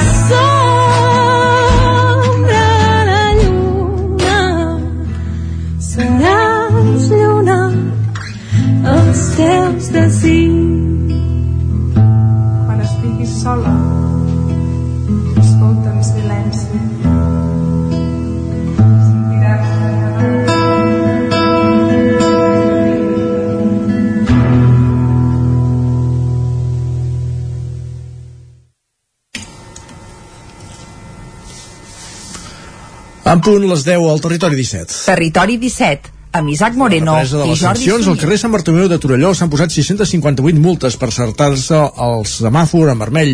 Quan es va posar en marxa un, un mes i mig hi va haver més de 1.000 sancions, protestes dels veïns i la decisió de l'Ajuntament de retirar les multes i millorar la senyalització. El regidor de Just per Catalunya, Jordi Rossell, deia al ple de dilluns que l'Ajuntament hauria de tornar a treure les sancions perquè des del Carnaval n'hi ha, no hi ha un dels cartells a l'entrada del carrer. Amb aquesta informació comencem aquest bloc informatiu al territori 17, com cada dia aquesta hora, en connexió amb les diferents emissores que dia a dia fem possible aquest programa. La veu de Sant Joan, Ona Codinenca, Ràdio Cardedeu, Ràdio Vic, el 9 FM i el 9 TV. Jordi. Doncs comencem explicant que entre el 10 de gener i l'11 d'abril d'aquest any, el semàfor del carrer Sant Bartomeu de Torelló ha posat 658 multes a vehicles que se l'han saltat en vermell. El semàfor, que s'activa quan es circula amb excés de velocitat, va generar molta controvèrsia quan van començar les sancions i l'Ajuntament les va acabar retirant en un mes i mig, entre l'octubre i el novembre de 2021, se'n van posar més de 1.000. El consistori les va acabar traient i va millorar la senyalització de tota la via. Escoltem a Adrià Jaumira, que és el regidor de Serveis Territorials de l'Ajuntament de Torelló. S'han emès 658 multes, que va una mitjana de 7 multes per dia i amb un percentatge de 0,42% de vehicles que hi passen que, que obtenen una, una sanció. Des de Junts per Catalunya, Jordi Rossell considerava que l'equip de govern hauria de retirar totes les sancions que s'han imposat des de la celebració del Carnaval, perquè, segons deia, per la festa, es va retirar un dels cartells que indiquen la presència del radar i també del semàfor. Escoltem a Jordi Rossell. que totes les multes que, que s'hagi posat sense el cartell per ser coherents amb el que es va treure eh, els, dos primers mesos de funcionament que no posava que estava eh, que es videogravava doncs suposo que, que la, també les retirareu aquestes També al torn de pregs i preguntes, la CUP va demanar a l'Ajuntament de Torelló que es faci pressió perquè la possible celebració dels Jocs Olímpics d'hivern al Pirineu, als quals els copaires suposen, no interfereixi en el funcionament de la línia R3, ni sigui la condició perquè millori la infraestructura. Aquest cap de setmana passat, tal com explicàvem dilluns al Territori 17, han entrat en vigor precisament els nous horaris a la R3, amb més freqüències i horaris més homogenis fins a Vic. El col·lectiu perquè no ens fotin el tren en fa una valoració global positiva, però lamenta que l'increment de convois no s'estengui també fins a Torelló i a Ripoll. Veuen en els nous horaris una mirada excessivament metropolitana. A Osona, les millores, ja ho vam explicar dilluns, beneficien sobretot la parada de Centelles. Durant el 2021, Llinars del Vallès va atendre més de 400 persones en el Banc dels Aliments i la targeta Moneder. L'Ajuntament va destinar més de 70.000 euros per donar resposta a les necessitats de la ciutadania. Ràdio Televisió Cardedeu, Núria Lázaro. El darrer any, més de 400 persones han estat ateses en el Banc d'Aliments de Càritas Parroquial de Santa Maria del Prat i amb la targeta Moneder d'Impacte Social a Llinars del Vallès. Aquesta targeta permet una millor gestió dels ajuts econòmics d'alimentació, així com l'accés de les famílies a l'alimentació fresca i d'altres productes bàsics. Afavorim en el màxim el desenvolupament d'estratègies d'atenció a les necessitats alimentàries, tenint en compte l'autonomia, la promoció i la corresponsabilitat de la persona l'Ajuntament de Llenes del Vallès, dins de les seves competències en serveis socials bàsics, atorga prestacions d'urgència social. Aquestes tenen la finalitat d'atendre situacions de necessitats puntuals, urgents i bàsiques i de subsistència com l'alimentació, el vestit i l'allotjament. També atorga prestacions socials per tal d'ajudar les famílies en el pagament de subministraments i lluitar contra la pobresa energètica que es pateix a les llars. Per tal de poder donar resposta a les necessitats de la ciutadania, en l'últim any la despesa ha estat superior a 70.000 euros en prestacions gestionades directament per l'Ajuntament o a través de subvencions a entitats. Més qüestions. Els membres de l'Ateneu La Polseguera de Mollà han fet una proposta per desencallar la situació judicial relacionada amb l'espai ocupat. Una codinenca el campàs. Els col·lectius estan disposats a deixar aquests habitatges on ara mateix hi ha l'Ateneu La Polseguera amb la condició que la seva propietària, la immobiliària Alidesa, es faci càrrec de l'equipament de la Masia, un altre espai municipal en desús per convertir-lo en un lloc autogestionat per als col·lectius de la comarca. La Polseguera també demana que el 20% dels habitatges que l'Iseda construeixi el complex residencial sigui públic i que un 10% es destini a atendre els casos d'emergència per a dones. A més a més, també proposen que un mínim del 50% dels llocs de treball que es creïn per fer les obres es destinin a persones de la comarca en situació d'atur. Gràcies, Caral. Més qüestions. La Fundació Vilademany de Tradell celebra el seu quart de segle de vida amb un documental. El reportatge elaborat pel grup de recerca de Tradell n'explica els orígens i el seu dia a dia. El grup de recerca local presentarà aquest proper dissabte un documental sobre els 25 anys de la Fundació Vilademany. Serà a la Biblioteca Antoni Pla de Vall i Font de Taradell en un acte que també servirà per fer balanç de la feina feta i per donar les gràcies a totes les persones entrevistades pels membres del grup en els darrers dos anys. Al llarg de 50 minuts, el documental es parla de la història de la Fundació des dels seus inicis, el 1993, quan es va veure la necessitat que Taradell disposés d'un servei d'atenció a la gent gran. També es passa per la construcció dels primers 20 avantatges tutelats, el 1996, el centre de dia, que es va inaugurar l'any 2000, o la residència assistida, que és del 2006, o la inauguració, just fa un any, del nou edifici on hi havia l'antic CAP destinat a habitatges tutelats amb un total de 16 pisos. Uh, pel que fa a les entrevistes, s'han entrevistat un total de 50 persones, que són la veu dels milers de persones que en un moment o altre s'han involucrat amb la Fundació al llarg d'aquests 25 anys. Actualment la Fundació compta amb una seixantena de treballadors que fan possible el funcionament de les 72 places de residència assistida, 40 places de centre de dia i 33 d'habitatges tutelats, també 30 places de menjador social i 21 de pisos tutelats. Després de 25 anys, la Fundació ha atès a més de 1.000 persones en els diferents serveis que s'ofereixen. Passen gairebé 100 minuts al punt de les 10, obrim pàgina cultural, bon balanç del primer festival d'arts al carrer de Call d'Atenes que es va celebrar durant tot el cap de setmana. Hi va haver xerrades, poesia, concerts, teatre, un mercat d'artesans i també murals que s'han pintat a diferents parts del poble. El mercat d'artesans que s'havia de fer dissabte al carrer es va traslladar a la carpa de Call d'Atenes per arrecerar-se de la pluja. Aquesta i la resta de les activitats programades per dissabte es van fer sota cobert, però això no va evitar que centenars de persones gaudissin del primer festival d'arts al carrer de Call d'Atenes, una activitat impulsada pel grup de joves La Pera, que va néixer amb la idea de pintar murals al poble, però que després es va anar fent gran. Ho explica Marta Alzina, membre de l'organització.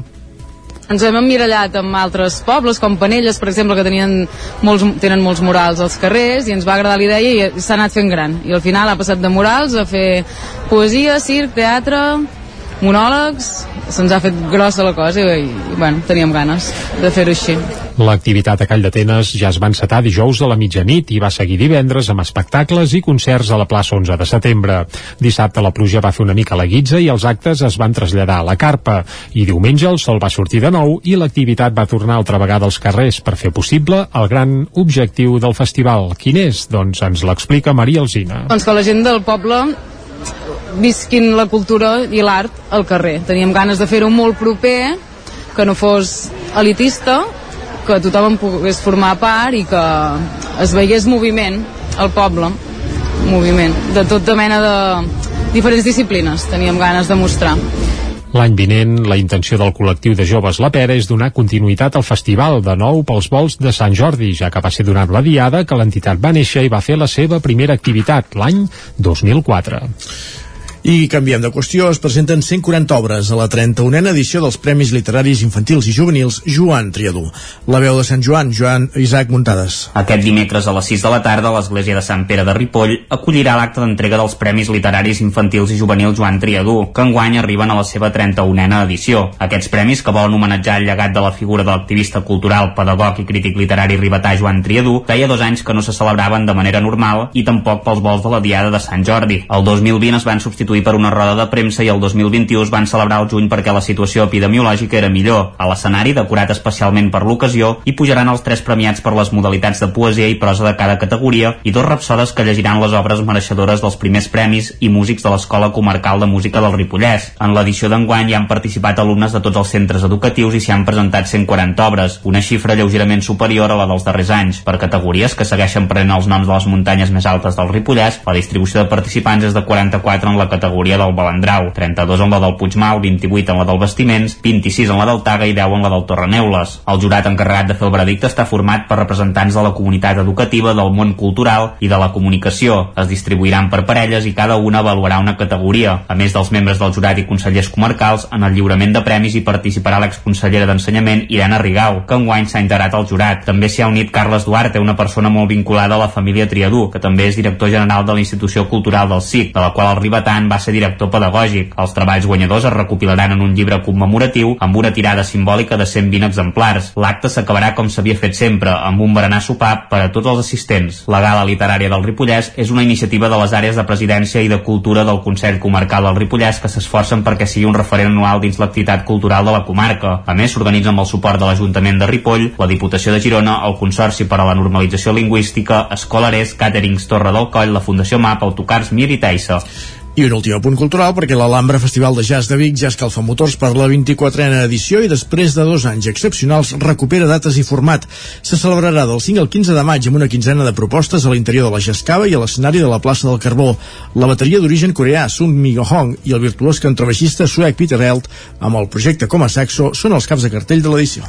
Després de dues edicions excepcionals a causa de la pandèmia, el Festival de Jazz de Vic recuperarà dates del 5 al 15 de maig i també recuperarà recuperarà el format habitual, ho explica Bet Piella, que és regidora de Cultura de l'Ajuntament de Vic. El titular seria que tornem a la normalitat, tant pel que fa als escenaris com a la reserva de butaca. Totes aquestes històries de, de les edicions passades esperem que hagin quedat en, en l'oblit i puguem tornar a tenir un festival amb tota la normalitat durant dues setmanes, el jazz i les músiques improvisades marcaran el ritme d'un certamen que es desplegarà simultàniament en dos escenaris, tal com ja era habitual. Un, l'interior de la Jazz Cava, i l'altre, el que s'instal·larà a la plaça del Carbó, just a l'inici del passeig de Vic. L'edició, com ja és habitual, s'encetarà amb el pianíssim enguany, amb la pianista experta en improvisació Jordina Millà. Jordi Mestres Trio, Manel Fortià, una sessió del Dijoque i Miguelito Superstar i una jam session amb músics de la comarca completaran el cartell del primer cap de setmana setmana del festival.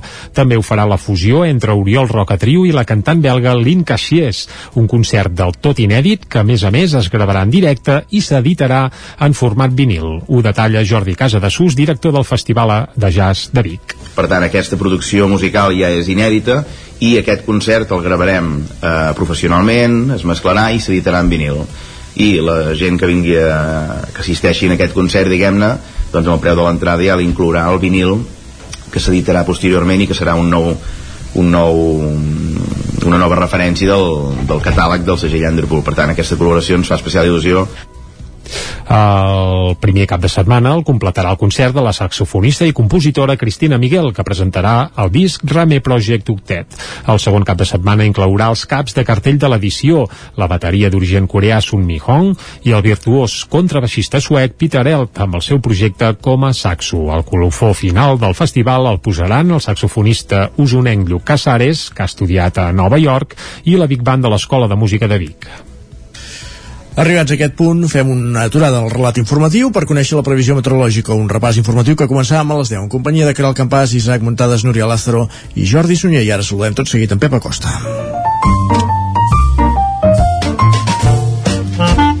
Casa Terradellos us ofereix el temps. Doncs vinga, saludem altra vegada en Pep, que ens acostarà, com fa sempre, el temps que ens espera per a les properes hores. A primera hora ja ens ha dit que hi ha tranquil·litat per avui, eh? però saludem-lo de nou. Va, Pep, bon dia. Hola, molt bon dia.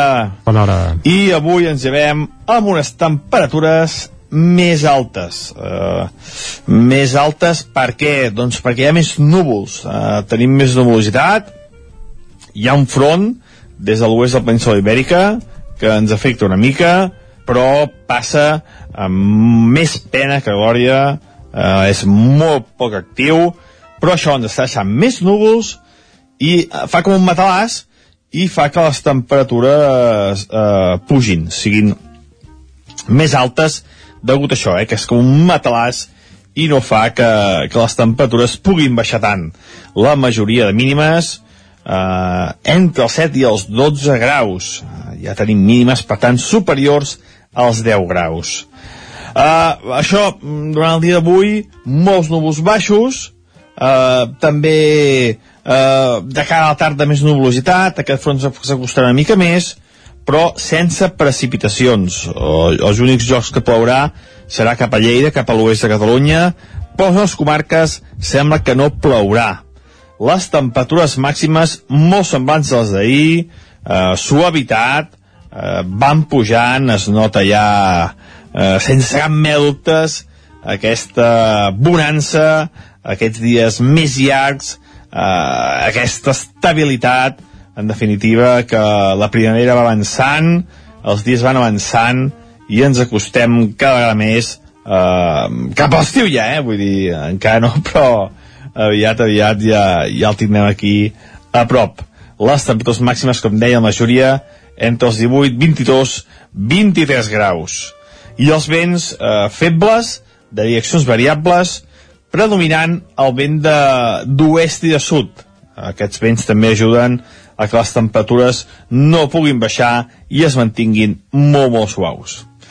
I això és tot. A disfrutar el dia d'avui, d'un dia amb un petit front que ens passa, amb més pena que glòria i amb unes temperatures molt suaus. Moltes gràcies, fins demà. Adeu. Gràcies a tu. Vinga, Pep, exacte, demà més. Uh, nosaltres ara, Isaac, quan passa un minutet d'un quart d'onze, anirem cap a l'entrevista, oi? Doncs va, som-hi. Som-hi. Casa Tarradellas us ha ofert aquest espai. Territori 17. Envia'ns les teves notes de veu per WhatsApp al 646 079 023. 646 079 023. WhatsApp Territori 17.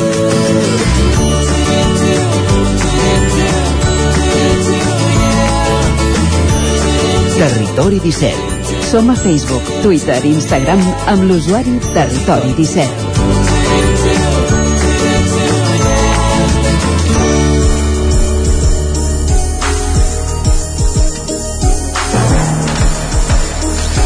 A Castellterçol van aprofitar aquest Sant Jordi per donar el tret de sortida a la nova temporada d'Arts Escèniques Professional del Centro. Obrirà el certamen Ovelles, l'obra de teatre dels directors Diego Alonso i Marta Marfà.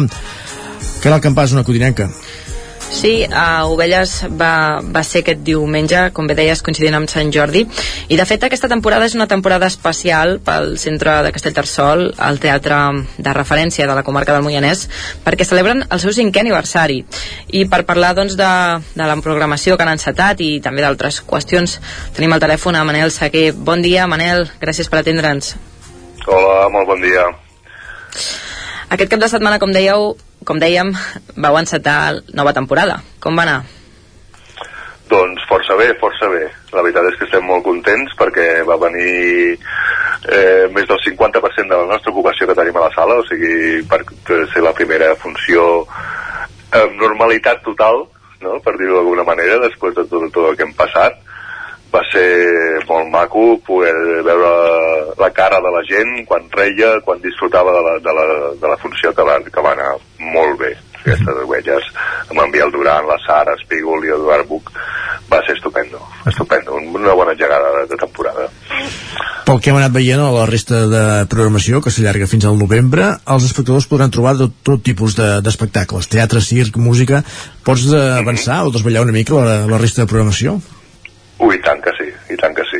Mira, comencem ja res, la setmana que ve, el dia 7 de maig, amb els ocells, de la Calòrica, que és una companyia eh, que ho està rebentant tot, perquè la veritat és que són molt, molt, molt i molt bons eh, amb aquestes ara feien aquesta de, de què parlem, mentre no parlem de tota aquesta merda que va omplir tota, totes les, les funcions al programa i portem aquesta funció dels ocells que jo crec que és imperdible perquè et fa reflexionar però a part és que rius moltíssim.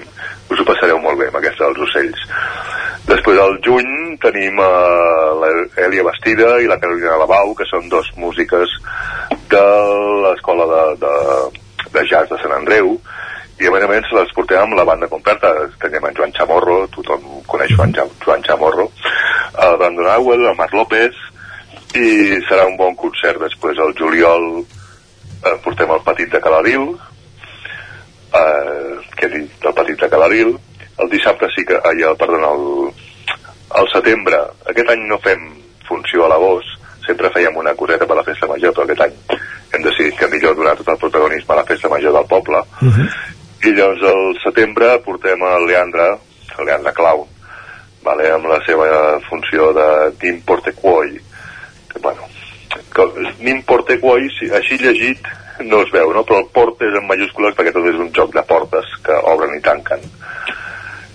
A l'octubre portem la dona del tercer segona, amb l'Aurea Márquez, també coneguda per la sèrie del migdia de TV3, que és una funció, d'aquestes potser és més reflexiva sobre la salut mental, uh -huh. i acabem el novembre, com, vei, com deies, amb el Bon Policia de Santiago Rossinyol, un clàssic del teatre català, però adaptat a, als temps moderns, amb el Ricard Ferrer i l'Arnau Puig, que, bueno, dic que el Ricard Ferrer ja li haurem de fer un diploma, perquè crec que és la quarta o cinquena vegada que, que ve a actuar aquí, aquí a Sol, sí. Sí, sí. Molt I aquesta és la nostra programació. Uh -huh. uh, perquè els oients ho, ho sàpiguen també uh, és sempre el tercer diumenge a la mateixa hora o m'equivoco? Bueno, no, més o menys, eh? Vale. És 18, 18 de juny, bueno, 7 de maig, 18 de juny, 23 de juliol, 17 de setembre, 29 d'octubre, 20... sí, més o menys. Uh, fem que sigui un mes més o menys o sigui que hi hagi un mes més o menys entre funció i funció clar, ara hem passat del 24 d'abril al 7 de maig però perquè per qüestions de companyia no quadraven altres dates no? però més o menys sempre és el tercer diumenge de, del mes uh -huh. en qüestió una de les característiques de, de la promoció del centre és que sou els propis espectadors qui, a través d'un grup, de, no sé si de WhatsApp, coordineu i decidiu les obres que es faran. Quin valor creus que porta això a, a la programació del centre en general, diguéssim? Està clar que és una cosa consensuada. Sí, i tant, i tant. Som una colla de, de com, de, com dius, d'espectadors, no? De gent que ens agrada el teatre Uh -huh. i ens passem pues, tot l'any anant a veure funcions, anant a veure coses a Barcelona, on ho calgui, i el valor que porta, eh, bueno, jo crec que la gent, o sigui, els, especta els, els espectadors que no són programadors, els espectadors que venen, eh, ja han agafat una, una confiança no? amb, amb el que portem, ja diuen, hosti, segur, anem-hi, que segur que ens agradarà, segur, que segur que està prou bé, que segur que, que val la pena per, pel preu de l'entrada, no? doncs segur que val la pena experimentar i anem a veure que, quina proposta ens porten aquest mes, perquè ens ho passarem bé. Sí. Um, també les entrades uh, tenen un preu molt assequible per ser obres de, de tant nivell, no? Uh, Sí. 12 euros i mig. Uh, com aconseguiu aquests preu, aquest preu tan, tan reduït, no? Bé, aviam, el preu el marca l'Ajuntament, no? El que passa és que, clar, eh, nosaltres tenim un pressupost municipal limitadet, vale? i llavors, eh, gràcies al programa .cat, que subvenciona no només a nosaltres, a qualsevol teatre de Catalunya, de qualsevol poble de Catalunya que vulgui programar, doncs amb, eh, entre la subvenció i el pressupost municipal creiem que per apropar la cultura a, a la gent no cal exigir uns preus elevats.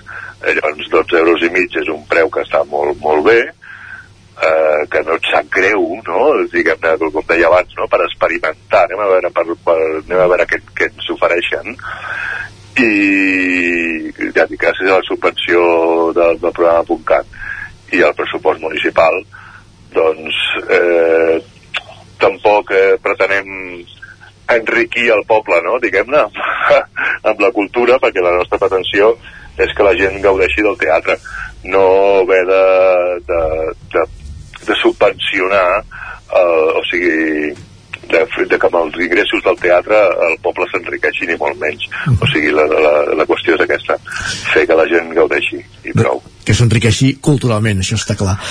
Per Eh, suposat, sí. Des que vau començar fa 5 anys, eh, ara us heu anat dirigint com a teatre referent a, a la comarca, al Moianès. Al principi com ho fèieu? Per fer difusió de les obres? Perquè tinc entès que, que bé, que vau picar pedra, eh?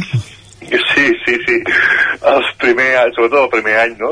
Cada dia, avui hi ha funció, en posàvem una parada al mercat, tothom que passava, avui ha teatre, avui ha teatre, avui ha teatre, compra l'entrada, només són 12 euros i mig, va, veniu, que us ho passareu bé.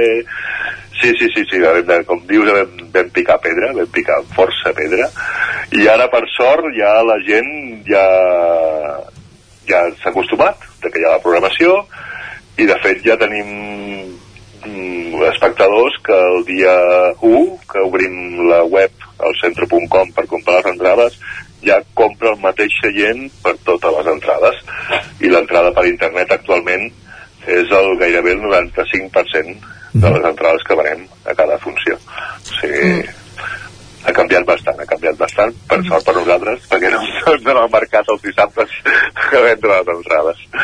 Clar, us heu anat eh, consolidant i, i volia demanar-te també um, doncs amb, amb això que comentes eh, gent que, que ja es compra uh, la mateixa entrada um, per, per, i pel mateix seient no? que podríem dir que són residents tot, tots els mesos um, us, us venen uh, només gent de, de Castellterçol o gent, entenc que òbviament d'altres pobles d'o- d'on us ve, no? no la gent no, no només de, potser de la comarca, també de fora d'on teniu espectadors?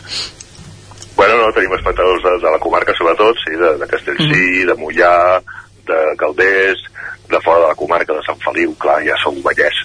no?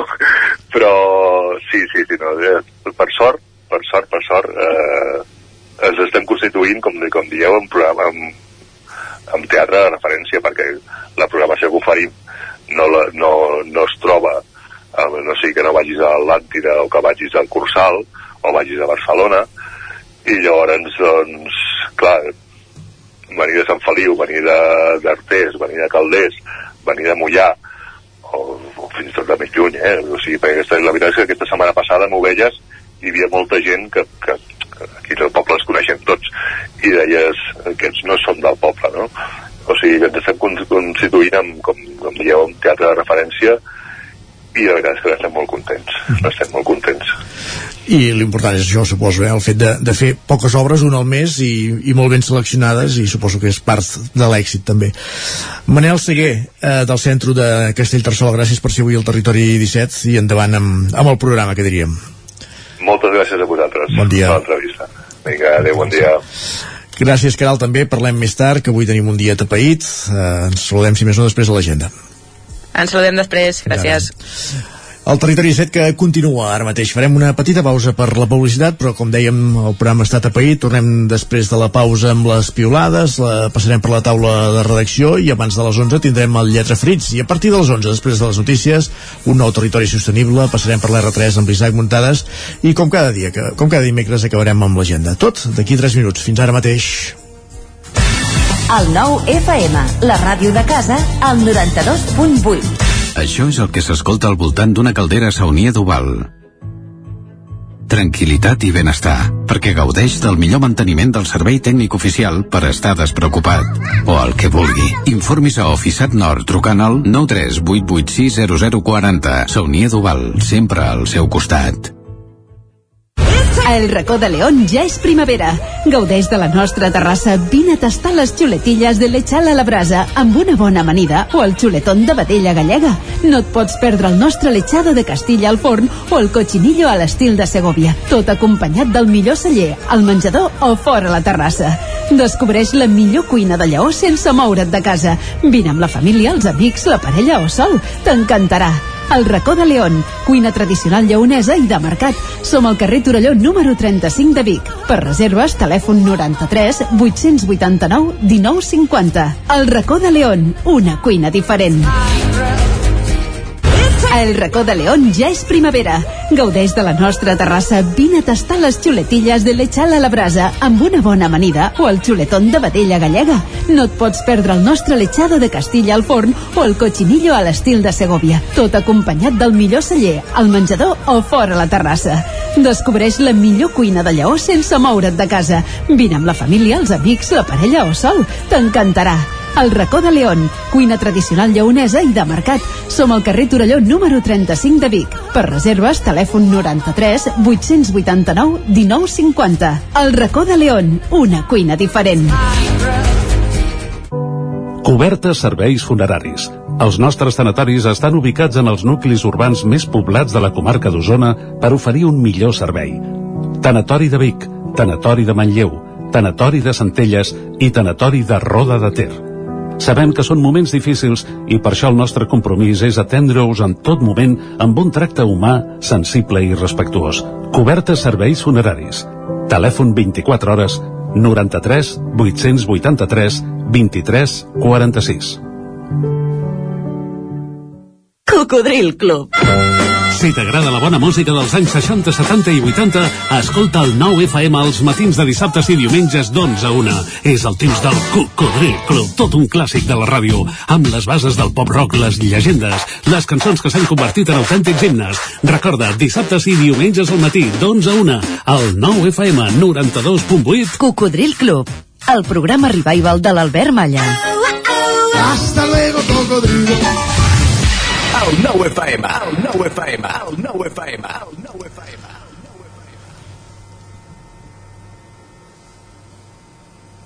En punt dos quarts d'onze al territori 17.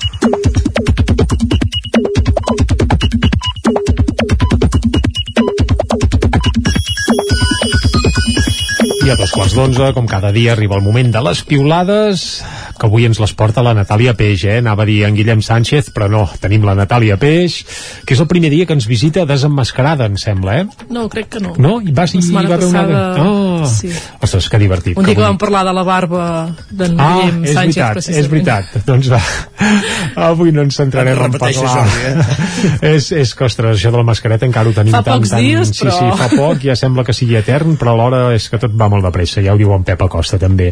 Natàlia, va, uh, per on van les pilades Doncs d'avui? No sé si alguna fa referència al partit que es va poder veure ahir on el Manchester sí, sí, City en doncs, parlarem, va en parlarem, Madrid, en parlarem no sé. d'aquest partit, però bé. abans precisament eh, volíem fer una referència a la Covid-19 i aquesta Mm. sensació que tenim ja tots una mica, que ens hem pogut treure la mascareta pràcticament a tot arreu, tot i que fa pocs dies doncs que ja la pandèmia l'estem deixant enrere. Sí, sí, però alerta, Alerta, perquè, sí. clar, a la Xina, eh, ho, ho hem vist abans, quan repassàvem portades, doncs sembla que la cosa es torna a enfilar i que les restriccions doncs, es tornen a imposar. Per tant, eh, no es pot dir mai blat fins que no sigui el sac. I ben lligat, i vés a saber què ens depara en les properes setmanes o mesos. Comença a Sí, cuejar la Setmana Santa, suposo, també. I és possible. i la retirada sí, sí. les mascaretes. En fi, També. doncs en aquest moment que estem, aquest nou moment de la pandèmia, en Jordi diu, avui m'han trucat de salut per si em volia posar la dosi de record de la vacuna. Els he dit que me la posaré quan surti l'actualització amb noves prestacions i els bugs de la primera versió solucionats, perquè suposo que l'estan millorant, no? Bé, sembla que aviat arribarà la versió catalana, eh? la famosa vacuna IPRA, que sembla que aquesta sí que està al caure.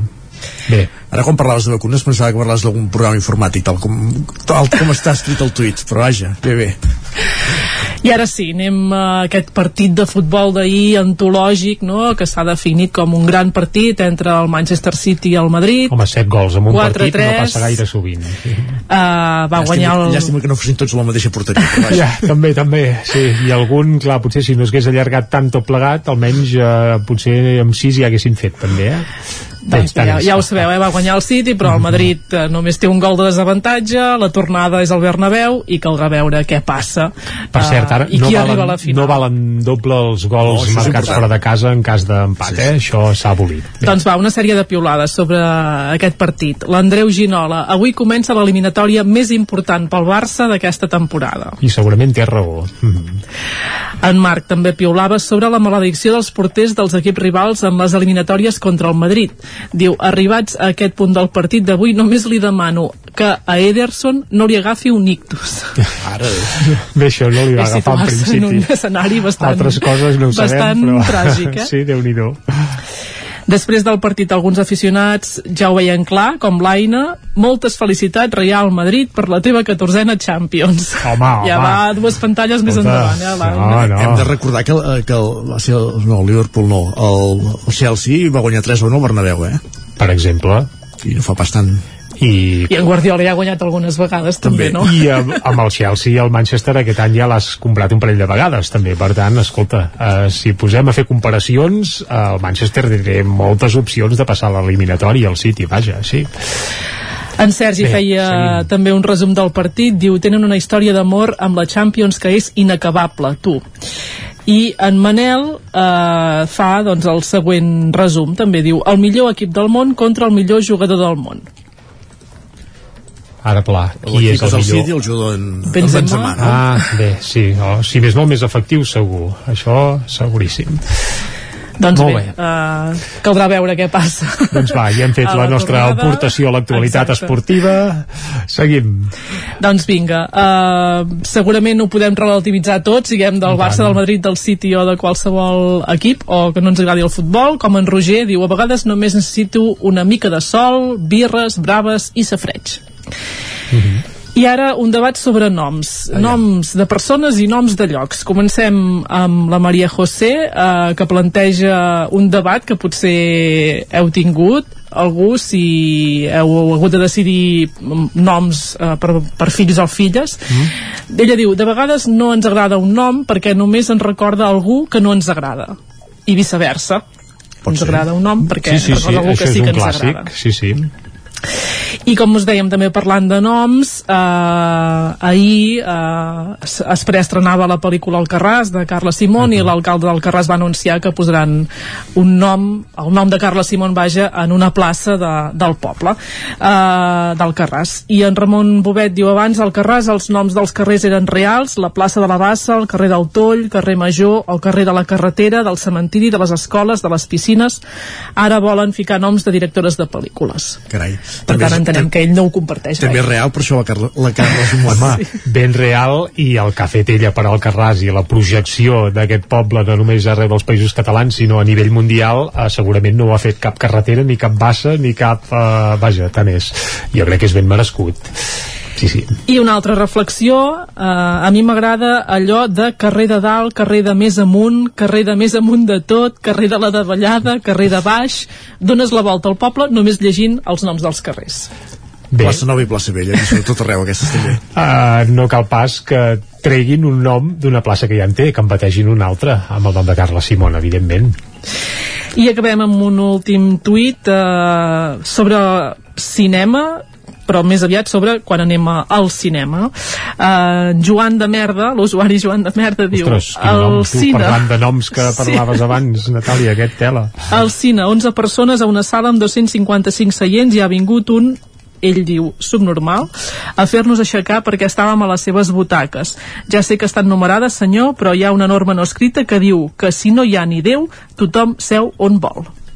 No sé si penseu que té raó ell, que té raó l'altre... Passa que potser l'altre, quan ha comprat l'entrada, ha demanat aquella butaca perquè vol aquella, i clar, llavors, en fi, és igual. Si estan numerades... El que esperem és que les sessions del Carràs, si hi ha 250 places d'aforament, no hi hagi 11 espectadors, sinó que n'hi hagi uns quants més. Que els cines estiguin més plens. Va, per anar bé. Vinga, amb això, amb aquest desig ens quedem. Natàlia, moltes gràcies. Adéu-siau. I Isaac, fem ara un cop d'ull a les Ràpidament, portades sí. del 99.cat. Ràpidament comencem per l'edició d'Osona i el Ripollès cobra remarcant que l'escola El Roser de Sant Julià de Vilatorta continuarà oberta. Ens n'hem fet ressò a l'hora d'iniciar el programa. Aquest és el titular principal. També d'hospici medieval a centre cultural. Uh, parlen de, bé, del nou centre de Torelló, de l'espai que ha d'acollir la futura escola de música. L'escola de música ja hi és, però ara no té espai, i això és l'edifici del club que hi ha a la plaça Vella, abans parlàvem de noms, doncs a la plaça Vella de Torelló.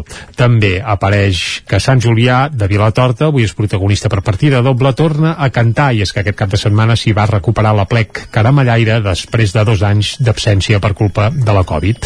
Anem al Vallès Oriental. Ara mateix el primer titular és el Congrés d'Acústica celebrat a Granollers alerta del risc d'estar sotmès a soroll elevat, és a dir, hi ha massa merder als carrers, ras i curt.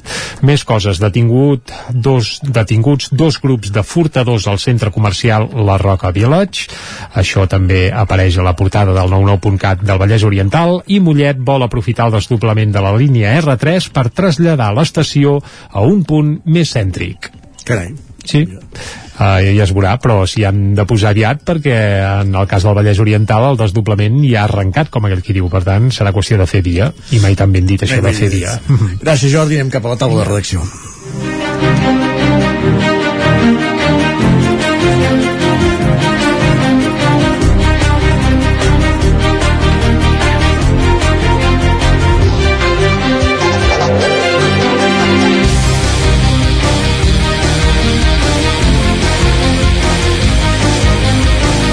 Taula de redacció, avui en companyia de la Txell Vilamala i d'en Guillem Rico. Txell, comencem ampliant aquesta notícia que ara llegim del 99.cat, amb la qual també hem obert el programa, que és que l'escola El Roser de Sant Julià de Vilatorta, el titular ara mateix és que continuarà oberta. El curs vinent no tanca, per tant, eh?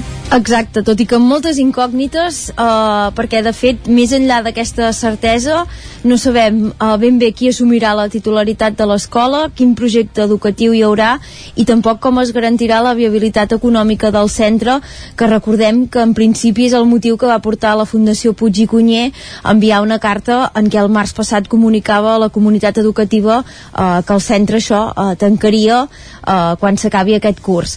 Per tant, el que sí que sabem segur és que hi va haver una, de, una reunió del Departament d'Educació Telemàtica amb els pares i mares de l'escola en què es va explicar que la Fundació Puig i Cunyer ahir mateix, el dimarts al matí va revocar l'expedient de tancament per tant, que ara diu eh, que no vol eh, tancar l'escola Llavors, a partir d'aquí el que es va explicar als pares és que els que ja han fet la preinscripció en principi no han de tenir cap problema i que si algú ja havia apuntat els seus fills i filles en altres centres i ara es troba que vol continuar a Sant Julià o que en aquest cas s'hi vol sumar, eh, doncs que a partir del juny eh, el Departament d'Educació també tindrà especial cura que no hi hagi cap tipus de trava o cap problema a l'hora d'apuntar-se en aquest centre que recordem eh, que és concertat.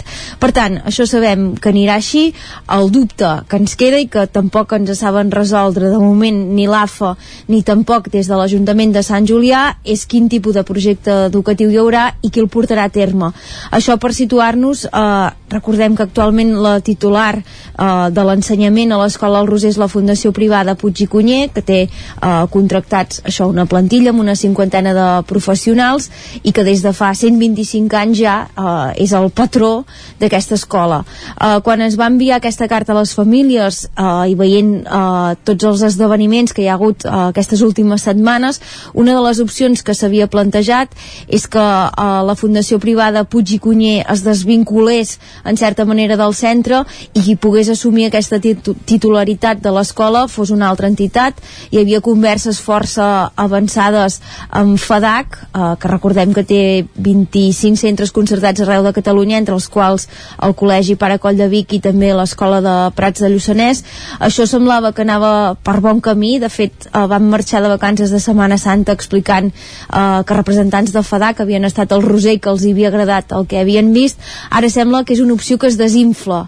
Mm. Uh, veurem si l'operació acaba tirant endavant o no, però sí que respecte a fa unes setmanes uh, la sensació que hi ha almenys tant des de l'AFA com a nivell municipal és que això sembla que no s'acaba de concretar. Llavors, uh, sí, realment no és FADAC qui assumeix la direcció pedagògica de l'escola ens queda el dubte això de si és que ho podria assumir alguna altra entitat o si és que serà la pròpia Fundació Privada Puig i Cunyer doncs, que continuarà eh, tal com ha estat fent eh, tots aquests anys. És el que mirarem d'aclarir aquesta setmana, tot i que sí que és veritat eh, això, eh, que continuem amb moltes més incògnites eh, que no pas certeses. Una, és una setmana que ha tornat a ser d'alt voltatge polític a Sant Julià polític i social. Mhm. Dilluns hi va haver ple de l'Ajuntament, era un ple extraordinari en què no hi havia punts de calat, però al final, en torn de pregs i preguntes, la sala estava plena de professors i pares i mares del Roser i va tornar a ser eh, un atracallament, podríem dir, a l'equip de govern, doncs, preguntant pel futur de l'escola. Algunes de les coses que es van explicar, això, el dilluns al vespre, ahir al migdia, ja estaven desactualitzades eh, per aquesta revocació que havia fet la Fundació Puig i Cunyer, i ahir dimarts al vespre això ens deien des de l'Ajuntament eh, que ara se sap que l'escola no tancarà, però hi ha molts dubtes eh, de quin projecte tindrà i sobretot també, i aquí eh, hi ha la clau de voltes, com se'n garantirà la viabilitat econòmica eh, tenint en compte eh, que almenys segons diuen des de l'Ajuntament i els pares i mares fa molts anys que s'arrossega una mala gestió per part de la família que se n'ha encarregat. Per tant, eh, el millor que poden fer els oients del Territori 17 és continuar escoltant el programa cada dia, llegir el 9-9 també divendres i ens anirem actualitzant perquè eh, també els periodistes ens prenem eh, molt en sèrio la nostra feina i a vegades eh, les presses són males conselleres, per tant el que hem de fer és intentar entendre bé en quina situació quedem i quan ho sapiguem amb tots els detalls doncs serà el moment d'explicar-ho. El que sí que està clar és aquest titular, que d'entrada eh, l'escola continuarà oberta el curs vinent i si més no, no hi ha el patiment, no? que hi havia per part de les famílies del fet d'haver de, el neguit d'haver de buscar un centre alternatiu ara mateix, quan fins i tot la preinscripció ja està superada. diguéssim. Exacte, i parlàvem això d'una setmana i, interessant perquè a més a més justament dilluns les famílies eh, van entregar més de 7.000 signatures d'educació demanant que l'escola continués oberta i avui a les 8 del vespre l'AFA també té convocada una roda de premsa a l'escola mateix doncs, per explicar el seu posicionament eh, veient eh, aquesta precipitació, no? aquests nous anuncis que vam conèixer ahir dimarts. lives. Perfecte, Txell, moltíssimes gràcies. Gràcies. Bon dia. I continuem en aquesta taula de redacció amb més ítems de l'actualitat d'aquests dies de la nostra comarca. Ens acompanya ara en Guillem Rico. Uh, Guillem, que hem parlat abans, però ja no recordo la qüestió que havíem de tractar, és el ple de Torelló. El ple de Torelló d'abans d'ahir, sí. Correcte. El ple de, de dilluns. Sentim abans de les notícies que un dels titulars d'aquest ple és el fet que Junts per Catalunya demana que es tornin a retirar multes al semàfor del carrer Sant Bartomeu.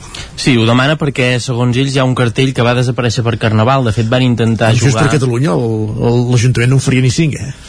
Sí, exacte. Uh, de fet, ja, havien, ja hi havien estat, no sé com els hi, a nivell econòmic van anar, se'n se van anar sortint. Volia, volia dir amb aquest discurs d'ara, ah. referia, eh? Bueno, de fet, sí, hi ha hagut renovació en aquest cas. Um, sí, Jordi Rossell, el nou portaveu, va demanar per aquestes multes de, del semàfor, sempre intenta guardar-se una part de la pregunta per quan li responen, per intentar enganxar a l'equip de govern, en aquest cas això va demanar dades És hàbil, eh, Rossell? el que passa que no li acaba de sortir bé eh? uh, va demanar aquestes xifres de, de, recordeu que es van posar més d'un miler de multes en els dos primers mesos, el primer mes i mig de funcionament d'aquest mm, semàfor i radar que hi ha al carrer Sant Bartomeu que es posa el semàfor en vermell si es passa de, de 20 km per hora però que també hi havia aquella peculiaritat que es deia que moltes persones que s'acabaven multant perquè la multa és si et saltes el semàfor era perquè el semàfor es, es posava vermell quan l'estaven creuant perquè qui l'activava era el cotxe que venia a darrere. En aquest cas es va, es va mirar es van acabar retornant els diners d'unes multes perquè es deia que faltava un cartell que deia que s'estaven gravant les imatges que és el cartell que deia Jordi Rossell que per Carnaval va desaparèixer. Per tant primer va demanar quantes multes. El regidor de mobilitat Arnau Jaumira va dir que eren Adrià Jaumira, sabia que em passaria. Uh, 658 multes de, entre el 10 de gener i l'11 d'abril uh, que són una mitjana de 7 per dia és el 0,42% dels vehicles que hi passen. Després aquí Rossell va dir, doncs, eh, en sobte perquè fins- les dades fins a l'11 d'abril perquè es va treure aquest cartell que deia que gravava per Carnaval. Uh, i en deia, diu, si seguiu el mateix criteri entenem que totes aquestes, que sereu coherents i retirareu aquestes multes Adrià Jaume va dir que ho revisarien però que entenia que no parlaven del mateix cartell perquè sí que, i després ho vam anar a comprovar hi ha un cartell a mig carrer que diu que s'estan gravant les imatges per tant, entenem que no s'haurien de retirar aquestes multes perquè dir, està ben senyalitzat. N'hi havia dos i ara només n'hi ha un. D'acord. I aquest que va desaparèixer és per alguna malifeta o perquè feia nosa? Això no sabem si, si és per alguna malifeta, això encara ho hem de comprovar, però Mhm. en principi el, o sigui, hauria de ser legal i correcte amb el cartell que hi ha actualment. Carai. Per tant, s'entén que, no es revisarà, que no es retiraran aquestes multes. De fet, va ser el punt més interessant del ple mm, de- d'aquest dilluns, que de fet això va ser un apartat de pregs i preguntes, perquè va ser un ple molt de tràmit, eh, que va durar mm, una hora, el ple més curt de, del mandat. Sí que des de la CUP, eh, Francesc Manrique posava sobre la taula aquest informe de la Generalitat que parla sobre els Jocs Olímpics d'hivern, que segons ell diu que es planteja que s'hauria de tallar la línia de tren, la R3, a partir de Vic o Ripoll durant els Jocs Olímpics i que això ens pot afectar de manera directa doncs, a, a municipis de la comarca, en aquest cas Torelló, eh, alertava una mica l'equip de govern perquè estiguessin el cas de que podia passar això, eh, Marçal Ortuño va dir que estaven d'acord amb aquesta idea de territori sostenible i, i que ho vetllarien. De fet s'havien reunit fa poc amb, amb, Pere, amb, amb, amb Pere Macias um, per parlar dels projectes de, que hi han vinculats a la línia 3 a la línia R3 um, eh, lligats també amb aquest desdoblament eh, previ a, a Osona diguem, amb aquests estudis que s'han fet. Es parlava de recalar les estacions de, de Centelles, Torelló i Ripoll. Eh, de moment això, estan pendents. Van dir que, que que el Ministeri concreti aquestes actuacions que es podria intentar de fer doncs, quan hi hagi part de la circulació tallada eh, abans doncs, que es pugui aprofitar que ja, ja, ja hi ha un trencament amb, la, amb el que és habitual per fer aquestes obres que, que s'han de concretar però anirien més encarades pròpiament a, a, les, a les estacions i que vetllarien per aquest tema de, de la diguem del, del, dels Jocs Olímpics eh, si, com, pot, com pot afectar. Això en el cas que es facin. En el cas que es facin, exacte. Això de fet des de la CUP ja va manifestar que era en cas que es facin però que ells, que ells hi estaven en contra i que en cas que es fessin es plantejava aquest possible tall durant els jocs de, que afectaria molts usuaris habituals de, de, de la línia R3 bàsicament això és el que va donar al ple. Es van apuntar altres altres aspectes, es va fer referència a la posada en marxa d'Onaigua, en què van dir doncs, que s'ha de continuar treballant perquè aquesta part que està subcontractada, diguem, doncs, que s'acabi fent des de, de forma directa des, de, des dels municipis. I es va recordar doncs, altres projectes com la reforma de l'Avinguda Pirineus que ja comença a estar en marxa, hi haurà un procés participatiu en què els veïns podran decidir doncs, en una part doncs, si s'hi fa una pista, si s'hi fan jocs infantils, si s'hi fa parkour d'aquest, si es fa un espai verd simplement, un espai, un jardí botànic, s'ha d'anar s'ha d'anar veient. Com? Dic una pista de tennis. Exacte, això també, si els veïns ho, Volen. ho volen, doncs seria una, una opció que es, que es podria plantejar. Molt bé. I llavors també van marcar una mica de, de paquet, diguem, de que han set una de les millors administracions obertes del 2021, que estan entre les vuit administracions capdavanteres de Catalunya, eh, com a administració oberta, i també parlaven de l'informe aquest Info Participa, que en compleixen el 92%. Perfecte, doncs moltíssimes gràcies Guillem Adéu, bon dia. Repassat al ple de Torelló el que fem al Territori 17 després de la taula de redacció és parlar de llibres, anem cap al Lletra Ferits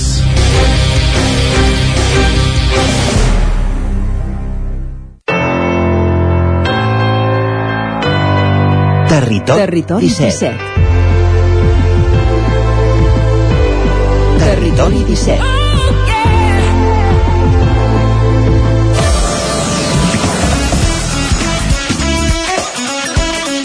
Ja sabeu, l'espai de literatura del Territori 17 és el Lletra Ferits, ens acompanya cada dimecres just abans de les 11 i ho fem en companyia avui d'en Joan Garcia, des de la veu de Sant Joan, que ha conversat amb la Dolors Vallmitja, Vila Mitjana perdó, sobre l'obra del poeta Josep Picola. Joan, bon dia. I dissabte, tot i la plujosa, freda i ventada diada de Sant Jordi, es van poder celebrar gairebé tots els actes previstos per la jornada, entre ells la presentació del llibre Biografia, Inventari i Transcripció de l'obra literària de Josep Picola i Soler, que finalment es va fer al Palau de l'Abadia. Avui en parlem amb la seva autora, la Dolors Vilamitjana. Hola, Dolors. Hola, bon dia. Bon dia i moltes gràcies per atendre'ns. De res. Uh, Explica'ns una mica què et porta a escriure aquest llibre i a la figura de Joan Picola. Bé, de fet va ser un encàrrec de la- d'una de, les filles, de la Montserrat, que em va dir, tu com a filòloga i tal, m'agradaria molt que poguessis donar una ullada a a l'obra del pare, perquè està molt espar esparsa, és una obra, eh, va escriure moltes coses i tal, potser s'hauria d'unificar, etc. Per tant, a partir d'aquí va ser quan vaig començar doncs, a interessar-me per la seva poesia uh, i la Fina, l'altra germana, també em va passar manuscrits i així va començar tot, no? Mm. I mm, la coneixies tu o no la coneixies, la- l'obra de, de Picola, abans? no la coneixia. Havia llegit algun, algun poema eh, que justament m'havien deixat les filles, però no la coneixia. No sabia que era una obra tan extensa, de milers de versos, i això doncs, em va fer doncs, a fixar-m'hi molt més, no? Mm -hmm. I, i no sé uh, alguna curiositat que o, o que, que, que, que, que vas notar la, la, Mira, quan vas començar a llegir-la eh, eh, Josep Picola volia fer una publicació una obra completa de la seva poesia i per això vaig respectar el títol que ell ja havia posat, que era perpetual, eh? justament per perpetuar mm. l'obra d'aquest senyor, no? Eh, ell, en vida, es va editar eh, nou publicacions, però el més important és que ell volia continuar publicant la seva obra. Per això, doncs, Perpetual respon a això, a aquesta voluntat d'unificar l'obra de Piccola, no? Uh -huh. i veurem que és un llegat que ple de, de motius reiteratius, de filosofia pagesa, d'ensenyances diverses, eh, i per tant deixa constància del seu aprenentatge de vida i alhora ens adonem de com era, només de llegir els seus versos. Uh -huh. Era una persona, pel que jo he anat veient, molt natural, ple de bondat i senzillesa, molt humil, on tothom hi tenia cabuda al seu costat, i, i bé, doncs m'ha semblat una persona um, extraordinària per donar a conèixer la vila de Sant Joan de les Abadeses i per tenir un nom a la biblioteca del poble mm. molt encertada decisió mm. Clar, i a vegades això que hi ha autors locals que són molt bons i excel·leixen a vegades escriuen una miqueta sobre, sobre, sobre la vila però no tant, no? És, més de, és més tangencial i la gràcia de Picola potser és aquesta, no? De, que, que ell era un, bueno, tenia Sant Joan al, al cor i, i per això molta o gairebé tota la seva obra gira entorn del, del nostre poble i de la, de la nostra cultura, de la nostra societat. Home, òbviament era un activista cultural de Sant Joan, es va implicar en tot, era una persona que pintava, escrivia, feia teatre, mmm, feia recerca històrica de la vila, eh, sense parar, no? I és una persona que no li havien caigut els anells, com es diu vulgarment. Tant havia fet de paleta com de, de, de, de llibreter, com de nomimàstic, com d'antiquari, vull dir que ell feia de tot, no? I evidentment hi ha hagut a la vida um, molts fets biogràfics que l'han marcat, com la seva eh, incorporació al front, no? On va veure morir molta gent i que doncs, per ell això va ser molt um, una, un aspecte vital, no? Mm. que el marcarà. Tot i això, una de les, de les grans qualitats de Piccola és que mai va perdre l'esperança en res i que és una poesia, una vida molt optimista. I això també ho, tra ho tradueix a la seva, a la seva poètica, no? Mm -hmm. Mm. Clar, eh, és això, eh? ja hem, hem vist obra de Piccola eh, recollida en altres llibres en, en aquesta proposta va una mica més enllà i justament això també parles de, de, de, de l'autor i, de, i de la seva vida.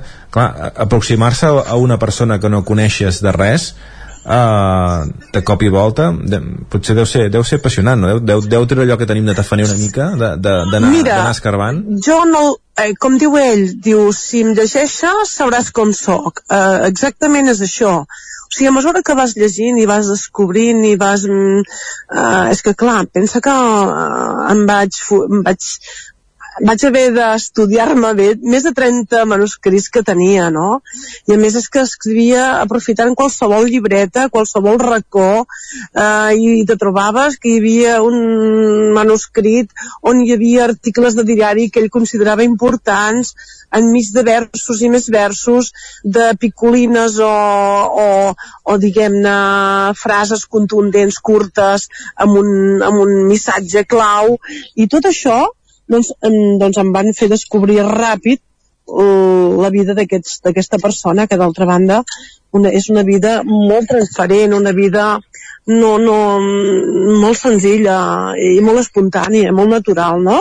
Com la vila, no? Que, va, que, en què va viure. Mm.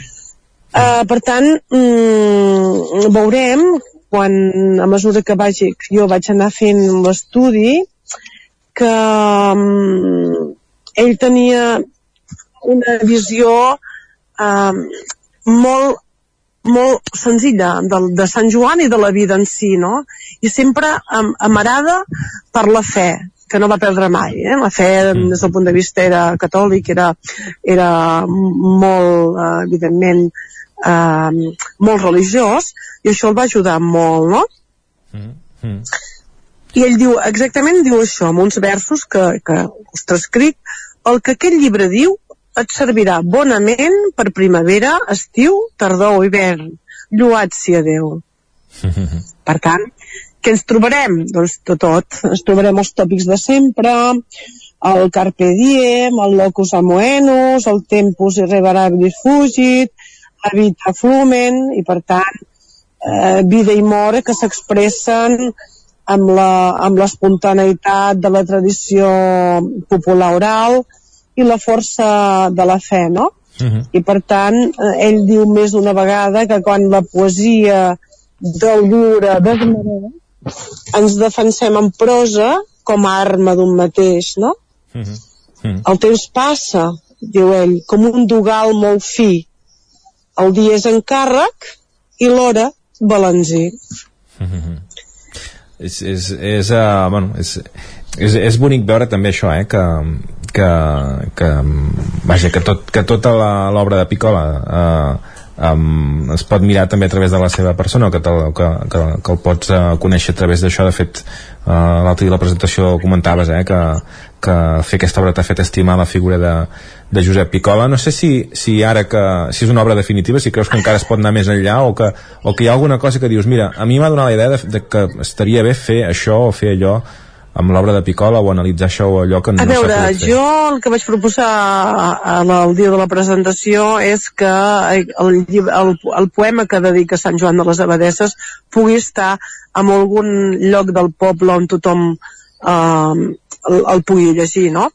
d'una banda. D'altra banda, clar, jo m'he limitat a la part poètica i la part teatral que he representat, o en aquest cas he volgut que l'obra de teatre que va fer eh, doncs tingués ja una projecció popular perquè mm, aquesta obra li varen plagiar eh, a la mort venia en taxi ell va posar un altre títol eh, doncs que jo en parlo doncs, en el llibre no?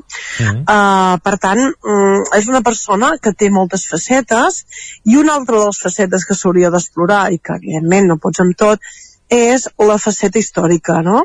La faceta d'aquell uh, conreador de històries i de, de llegendes i del seu poble i que a més a més hi ha un arxiu eh, a l'Ajuntament que s'hauria d'analitzar tot, d'investigar i què se'n podia treure, no? Penseu que hi ha un nou mite del Comte Arnau, eh, hi ha eh, noves apostes per les abadesses de Sant Joan, hi ha eh, personatges històrics que ell reinterpreta, com Tallaferro, eh, etc. no? Per tant, eh, aquesta faceta històrica és la que no he pogut, eh, evidentment, eh, acabar de, de, de donar-me no la seva magnitud n'he tingut suficient pels milers de versos com a poeta, no? Mm -hmm. Clar, molta gent... Jo ho desconeixia, això que acabes d'explicar, eh, d'aquesta obra de teatre. Sí, sí, sí, sí, Ens sí. ho pots explicar una mica? Doncs, mm, no, no, és, és una història d'amors i desamors, eh? I, però és clar, no, no m'agrada fer una mica de, de spoiler de, del que la gent pugui llegir, no? M'agrada que la gent uh, ho llegeixi personalment. És una, és una obra de teatre molt senzilla, uh, d'estructura ben clàssica, on el tema és l'amor i fa riure, és en clau irònica, no? I bé, aquesta és una faceta, la seva faceta també va ser doncs, actor, es va implicar també en el teatre del seu poble, eh, etc. Mm. Mm. Dolors, ja per acabar, eh, per parlar una mica de tu, eh, perquè et coneguin també, ets Sí. llicenciada en Filologia Catalana, però també ets, eh, bueno, has estudiat Psicologia i, i ets diplomada en Orientació Familiar. Tu, tu, A mi m'agrada que em diguin que sóc humanista perquè jo he estudiat filologia hispànica i filologia catalana, també he estudiat medicina, també he estudiat psicologia, he estudiat història, he estudiat humanitats, eh, sóc doctora en filologia catalana, bé, sóc una persona que m'agrada la cultura, que estimo els llibres, que tinc curiositat de saber i que pots gaudir una mica sabent, sabent una mica de tot. Mm. Perquè d'aquesta manera doncs, eh, no sé, pots a, a, aprendre una miqueta més de tot plegat sense que et facin mal, no? Mm Mm. crec que és uh, això mm. la poesia de Piccola és aquest mirall del seu interior per actuar des de la coherència i la crítica adequada a l'ocasió i segueix el model del pastor en mayúscula no? el pastor que en aquest cas també és Jesús no? Per fer front eh, a la monotonia del viure i també a les incerteses i els, i els sotracs del viure, no? Mm -hmm. I, I, en fi, mm, com Maragall es meravellava del poder de la paraula, deia Maragall que la paraula era la cosa més meravellosa d'aquest món, Josep Piccola també entra profundament en el seu món interior i parla en paraules vives i per tant es converteix en un màgic prodigiós, creador de bellesa amb B alta mm. i de bondat i amb un gran amor per tot allò que tocava, tot allò que feia i tot allò que, que, que feia delectar els altres, no? Mm -hmm. Doncs amb aquesta bonica descripció resum de la Dolors Vilamitjana, autora d'aquest uh, llibre, ens acomidem i li donem les gràcies. Moltíssimes gràcies, Dolors. Moltes gràcies a vosaltres, un plaer. Adéu-siau. Adéu. Gràcies, Dolors. Gràcies a tu també, Joan, per aquesta nova edició, en aquest cas de Lletra Ferits del Territori 17. Quan passen pràcticament 4 minuts al punt de les 11, ens actualitzem. Territori 17, amb Isaac Moreno i Jordi Sunyer.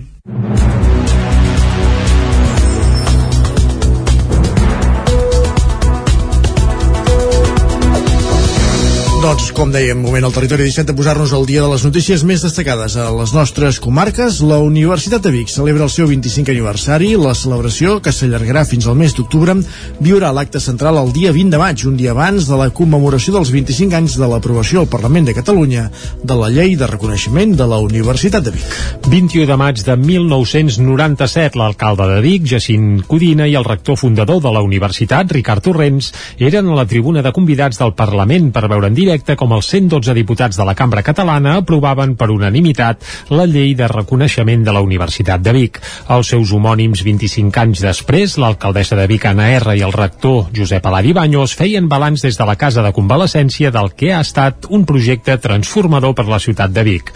Escoltem per aquest ordre a Anna R i a Josep Aladi Baños. Aquesta ampliació de la ciutat de Vic com a campus universitari em sembla que eh, cada vegada es va veient més com enriqueix la ciutat, com enriqueix els barris i com això ens està transformant i ens està fent veure ciutat universitària de tots els aspectes no? i aquesta també mm, possibilitat que ha donat la Universitat de Vic de fins i tot créixer o rehabilitar llocs eh? com ha pogut ser doncs, ara mateix on som La UBIC UCC, alcaldessa, es troba un moment dolç un moment on el seu número d'estudiants ha augmentat de forma substancial, on ha aparegut a nivell internacional com una universitat gairebé de Champions League, si se'n permet a un moment dolç, com explicava Josep Aladi Baños, el que passa a la Universitat de Vic, però que no està exempt de reptes de gran envergadura de cara al futur. Escoltem el rector. Ens falta créixer amb alguns graus en ciències socials, amb una visió més moderna de lo que són les ciències socials, i després un altre aspecte que a mi em preocupa especialment és eh, com recuperar el número d'estudiants que anem a tenir amb els graus de mestre. I l'última última cosa que també és una preocupació del rector però crec que compartida per molts dels responsables acadèmics és eh, eh, afavorir la transversalització. Això em refereixo a que puguin haver-hi col·laboracions entre les diferents facultats actuals i que els professors puguin anar d'una banda a l'altra. La celebració del 25è aniversari, que es farà entre els mesos d'abril i octubre, comptarà amb una trentena d'actes. El plat fort serà el dia 20 de maig. Detalla tot el que passarà aquell dia Anna Sabata, que és secretària general de la universitat. Al matí hi ha l'acte institucional, que també vindrà la consellera d'Universitats i Recerca, i llavors hi ha un ponent que ens vindrà a parlar de l'educació superior, que és el doctor Javier Paricio. A la tarda hi ha un acte a l'Atlàntida pensat per la comunitat és un espectacle i a partir del lema de Persones, Coneixement i Territori es farà una projecció del passat, present i futur d'aquesta institució. El lema que marcarà els actes del 25è aniversari serà Persones, Coneixement, Territori. També serà el títol d'una exposició que es podrà veure a partir del 2 de maig al Palau Robert de Barcelona i que explicarà la naturalesa de la Universitat de Vic. Amb el mateix nom, l'endemà, una mostra s'instal·larà a l'espai Josep Bernis, al campus Miramarges de Vic i repassaran imatges als 25 anys de la universitat. Gràcies, Jordi. Més qüestions que Novelles ha instal·lat desfibriladors al camp de futbol i a les pistes de petanca. D'aquesta manera, tots els equipaments esportius del poble ja disposen d'aquest tipus d'aparells. Ràdio Televisió Cardedeu, Núria Lázaro. L'Ajuntament de Canovelles ha instal·lat desfibriladors al camp de futbol i les pistes de petanca. D'aquesta manera, tots els equipaments esportius compten amb un desfibrilador extern automàtic. Actualment, al municipi hi ha desfibriladors externs automàtics a diversos espais esportius i culturals. Concretament s'hi han ubicat al pavelló de Calatona, al pavelló Tagamanent, a la pista polivalent, al camp de futbol, a les pistes de petanca i al teatre auditori Camp Palots. A més, la policia local disposa d'un desfibrilador extern automàtic mòbil. La mort sobtada és una de les principals causes de mort al món. Es tracta d'una parada cardíaca sobtada i inesperada que es produeix en una persona aparentment sana. La causa més freqüent és la fibrilació ventricular i es calcula que a Espanya es produeixen prop de 30.000 casos a l'any. Segons els experts, la rapidesa amb la que es tracta el pacient és clau per a la seva supervivència. Les xifres mostren que per cada minut que passa es redueix un 10% la probabilitat de sobreviure. Els desfibriladors externs automàtics són aparells dissenyats per reconèixer la causa de l'aturada cardíaca i administrar al cor una descàrrega elèctrica controlada per tal de restaurar el seu ritme cardíac normal. I del Vallès Oriental al Moianès, el grup local de la cooperativa Som Energia comença un seguit de conferències pels 10 pobles de la comarca. Canal Campàs, Ona Codinenca. L'objectiu és explicar els projectes que volen implantar la comarca a mitjà termini. La projecció del documental We the Power serveix per trencar el gel i generar debat sobre quines iniciatives amb energies renovables es poden aplicar al Moianès. Jordi Terrades, membre del grup local, explicava quins projectes tenen entre mans. Doncs això de, és d'intercanvi d'informació, de xerrades, formacions, d'instal·lacions d'energies renovables, d'autoproducció, eh, o també una, unes organitzacions típicament de, de Som Energia són les compres col·lectives de material, com poden ser plaques solars o altres aspectes d'eficiència de, energètica o d'autoproducció, a fi efecte doncs, de, de facilitar la instal·lació i aconseguir un millor preu. El grup local del Moianès s'ha creat a principis d'any i compten amb 200 socis de la cooperativa a la comarca. Un altre propòsit d'aquest cicle de xerrades és donar-se a conèixer a més veïns. Aquest cap de setmana han començat amb dues sessions a Mollà i Castellcí. D'aquí a 15 dies continuaran amb sessions a Calders i l'Estany i el dia 20 de maig faran parada a l'espai Amalosa de Santa Maria d'Oló. Gràcies, Caral. Més qüestions. L'Alhambra Festival de Jazz de Vic ja escalfa motors per la 24a edició i després de dos anys excepcionals recupera dates i format. Se celebrarà del 5 al 15 de maig amb una quinzena de propostes a l'interior de la Jascava i a l'escenari de la plaça del Carbó. La bateria d'origen coreà Sun Mi Hong i el virtuós contrabaixista suec Peter Held amb el projecte Com a Sexos són els caps de cartell de l'edició. Després de dues edicions excepcionals marcades per la pandèmia, el Festival de Jazz de Vic recuperarà dates del 5 al 15 de maig i també el format habitual amb concerts a la Jazz Cava i també a la plaça del Carbó, just al costat del centre Biguetà. Ho explica Bet Piella, que és la regidora de Cultura de l'Ajuntament de Vic.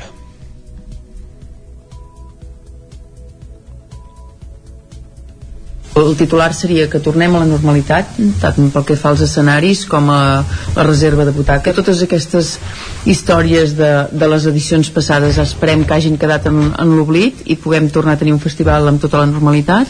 Doncs durant dues setmanes, el jazz i les músiques improvisades marcaran el ritme d'un certamen que es desplegarà, com dèiem abans, amb dos escenaris, l'interior de la Jascava i la plaça del Carbó. L'edició d'enguany, com ja és habitual, començarà amb el pianíssim, que aquesta vegada anirà a càrrec de Jordina Anna Millà.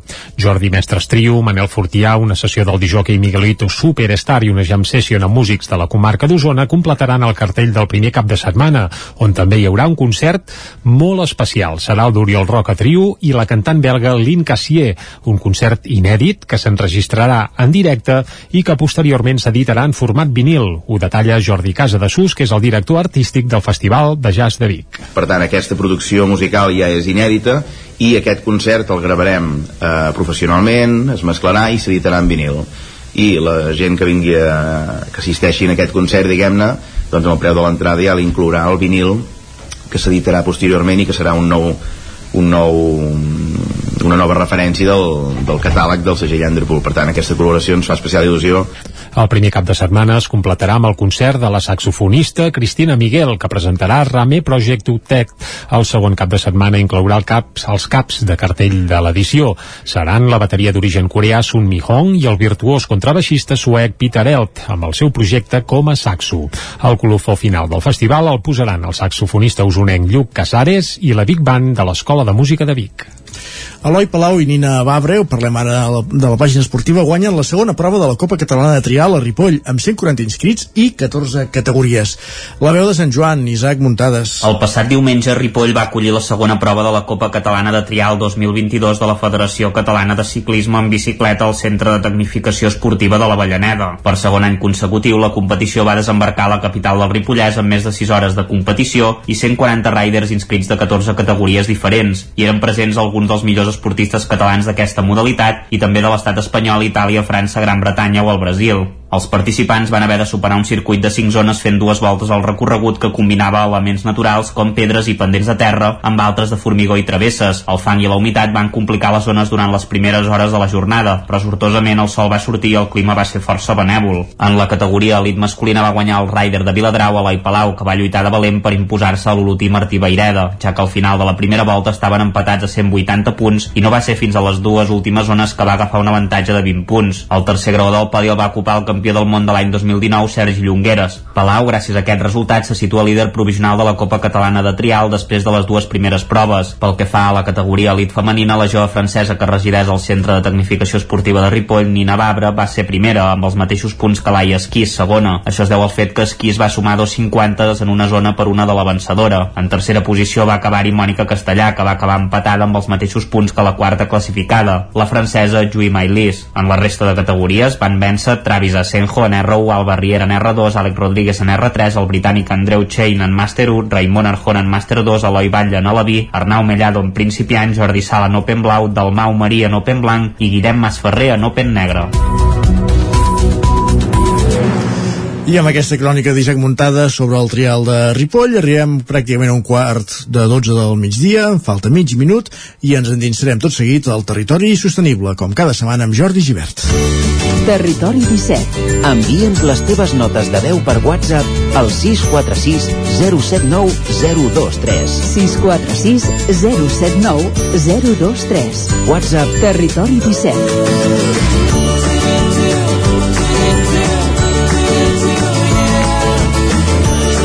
Territori 17. Som a Facebook, Twitter i Instagram amb l'usuari Territori 17.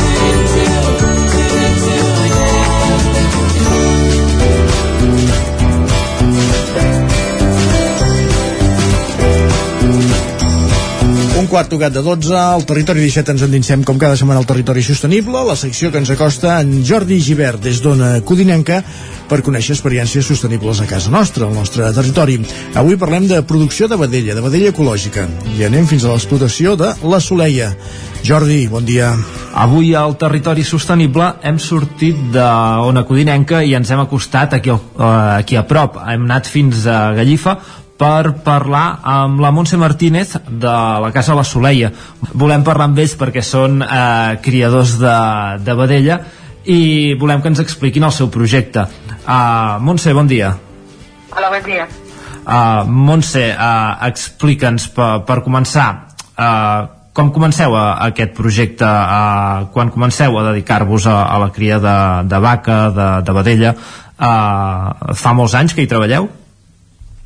Sí, bueno, la, la, no, si, si ve del meu home, el meu home tenia vaques de llet enmig de Barcelona, als anys 70 fan fora totes les vaqueries de, de Barcelona i llavors ells compren aquesta finca aquí de Llifa bueno, abans dels anys 50 ja la van comprar i, i es transladen aquí i comencen a fer eh, llet, que és el que feien allà, no? Producció de llet. Uh -huh. A, l'any 89 en un any va perdre el pare i el germà amb el qual ell sol portar tota la producció llet era difícil i va passar a lo que era a vedera creix convencional. I ara fa uns anys ens vam decidir que bueno, teníem el terreny, la finca, els animals i vam fer la transformació a fer cria de vedella ecològica Val, o sigui, recapitulem, o sigui, era, és un negoci familiar eh, que estava a Barcelona i suposo que per motius urbanístics eh, devien eh, sí, van fer marxar de les vaqueries, que havien vaques a Barcelona. Uh -huh. Val. Uh, és, també és una, és una història interessant. I arribeu aquí, a, aquí a Gallifa i ens comentaves això, que, que de la llet al final passeu a, a producció de, de vedella i, i ara ecològic. Això ha estat un procés també? O, o ja vau decidir de bones a primeres posar-vos amb, el, amb el tema ecològic? No, no, bueno, van, van per motius familiars de que s'havia quedat sol i tot, doncs uh -huh. van començar amb el que era la, la cria de vedella de carn convencional, uh -huh. que no és tan esclau com la llet, que has de munyir dos cops al dia, bueno, porta molta més feina i, i, i és molt més esclau. I llavors, uh, fa uns anys veiem que no anava bé, no? que bueno, pujava el pinso, pujava tot i la vedella al revés, més aviat baixava el preu, i va ser quan el Josep, sobretot, va tindre la iniciativa de dir, escolta'm, tenim la finca, tenim terra, tenim vaques, podíem passar. Van buidar tot el que era la granja, van tindre que fer un buit sanitari que es diu que és que durant un any fas la transformació de convencional a ecològic i llavors eh, vam començar a poc a poc pues, amb les vaques que ja teníem, els vedells que anaven criant a casa a, a fer-ho així i uh -huh. bueno, poquet a poquet vam anar vam anar funcionant i bé, al cap de dos o tres anys vam decidir fer un petit obrador aquí a casa perquè ho donàvem a treballar fora fins a aconseguir fer tot el cercle tancat, no? Eh, produïm l'alimentació perquè també tenim terres de cultiu, tota l'herba de les vaques, les pastures, i la nostra finca, clar, que va petita, vam anar creixent eh, quan moltes finques apandades, uh -huh. i que les vaques pues, ara ja van, no sé, des de Sant Feliu fins a Sant Llorenç, quasi, quasi, eh, amb tècnics diferents tancats. de, de, déu nhi ens n'alegrem que, que, que l'aposta per, per la producció ecològica ha, hagi donat els seus fruits i, i hagueu pogut créixer, que a més a més és una conversió que no deu ser pas fàcil. No, però bueno, és, és, és, va ser difícil al principi, però bueno, al final és, és com més gratificant, no? És una venda molt més directa al teu client, abans venia aquí un camió, carregava uns vedells i adeu ja no sabies més d'ells, no? Ara ets tu qui, qui et busques els clients, qui li fas la venda directa amb ell, qui parles amb ell i ja no tens cap tipus d'intermediari i, i també és molt més gratificant i, no sé, molt, Clar, ens parlaves de, dels clients eh, on, on, quins són, quin tipus de client teniu? És eh, client de, de proximitat? Eren restaurants abans suposo de, de la pandèmia, ara és més complicat Qui, quin perfil de clients teniu? Uh, la nostra filosofia va ser que, que, bueno, que no ens movíem d'aquí el Vallès, no? Nosaltres només servim Vallès Oriental i Occidental, comencem el reparto per Cardedeu i acabem a Sant Cugat, i que anem baixant i, i anem fent tot el Vallès, els Vallesos. Uh, vam començar amb clients particulars, fer uns petits lots que va servir a domicili, uh, i llavors van començar els restaurants, servim a diversos restaurants de, de la tendència Slow Food, que es diu, que són restaurants que busquen el client de proximitat, si pot ser ecològic bé, si no, que sigui un client sostenible de proximitat, d'aquests en treballem bastants, després sobretot moltes cooperatives de consum, aquests uh -huh. en fem moltes al Vallès, algun menjador escolar, també ecològic, que ens demanen i els clients particulars hi ha alguna botiga és el que fem i, i per curiositat teniu, treballeu només amb un tipus de, de vedell d'espècie, de, de, de raça d'animal sí. o, o més d'una? No, en principi, bueno, teníem les vaques, per aquestes ja quasi no hi són, perquè són les que teníem d'abans, diguéssim. Uh -huh. Després ens vam especialitzar en raça gascona, que és una raça que, bueno, clar, aquí Gallifa és molt muntanyós, no? I llavors les vaques tot el dia estan sueltes, pareixen soles, no les controlem i teníem que buscar una raça així una mica eh, que s'espavilés una mica sola. Vam fer la raça gascona, i ara estem canviant una mica cap a la raça Obrac perquè les gascones són massa salvatges però bueno, Mhm. principalment ara encara el que ens queda és, és gascona i, i estem fent un canvi cap a Obrac que són races molt autònomes que poden pasturar sense que tindrà gaire cuidado això a l'hora de parts i, i, i de, dels nivells de muntanya. I uh, el, anava a preguntar amb, amb la pandèmia heu, heu vist que, que us, ha, us ha perjudicat? O, o sigui, han baixat les vendes o, o us han augmentat? Perquè aquest consum de proximitat parlant amb altres productes a vegades hem vist que, que, que la gent ha apostat pel, pel producte ecològic i de proximitat. Què us ha passat a vosaltres? Ha sigut sorprenent no? tot el que ha passat perquè evidentment tenim bastants restaurants i, i clar, aquí vam tancar portes a tots i llavors el, que- el que va passar sorprenentment és que va créixer molt el client de proximitat no? clients que et sortien, no sabies d'on però només et diré que no sol vam mantenir la facturació sinó que quasi, quasi inclús la vam augmentar sense tindre els restaurants que és un volum molt important de la nostra facturació i llavors, bueno, això no, hem vist que el, client de proximitat s'han reconegut, s'ha gustat i bueno, potser també molts ens deien no, no, és que nosaltres anàvem a dinar al restaurant i sabíem que era la vostra carn i ara pues, la demanem, no?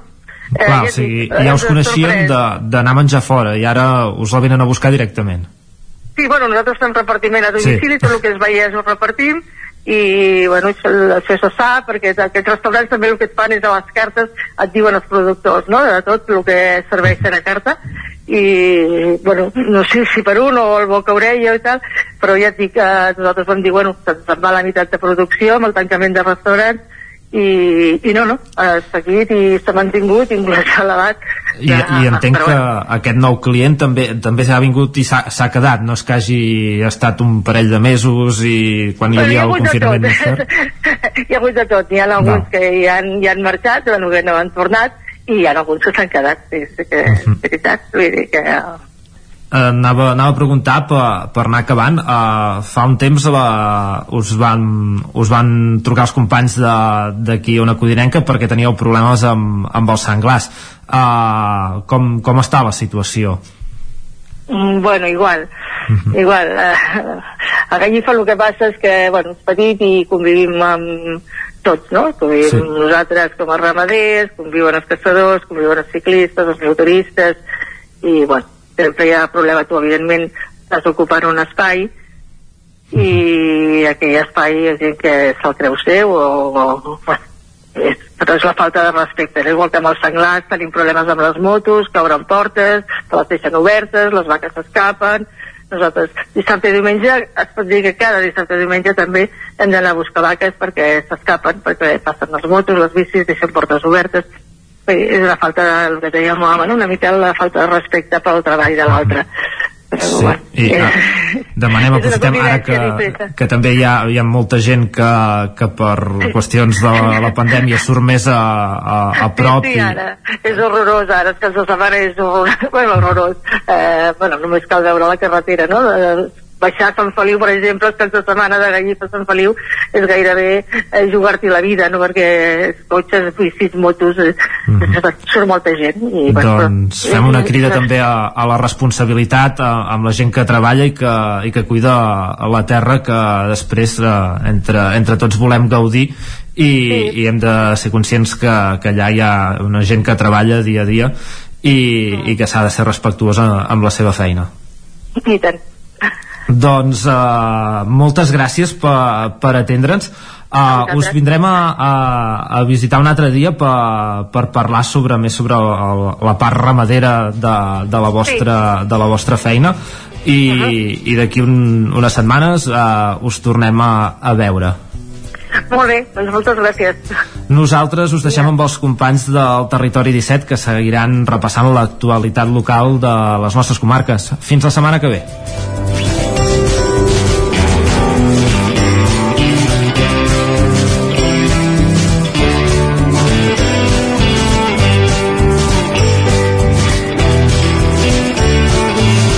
Doncs gràcies, Jordi Givert, per compartir-nos aquesta ah, nova experiència del territori sostenible, la Soleia, una granja de producció de vedella ecològica. N'hem sentit la seva responsable i la seva història avui al Territori Sostenible i el que fem tot seguit al Territori 17 és avançar. Tot seguit farem una pausa i d'aquí encararem la recta final del programa. Passarem per l'R3 amb les cròniques de cada dia dels usuaris amb l'Isaac Muntades i acabarem amb l'agenda cultural pels propers dies. Territori 17. Envia'ns les teves notes de veu per WhatsApp al 646 079 023. 646 079 023. WhatsApp Territori 17.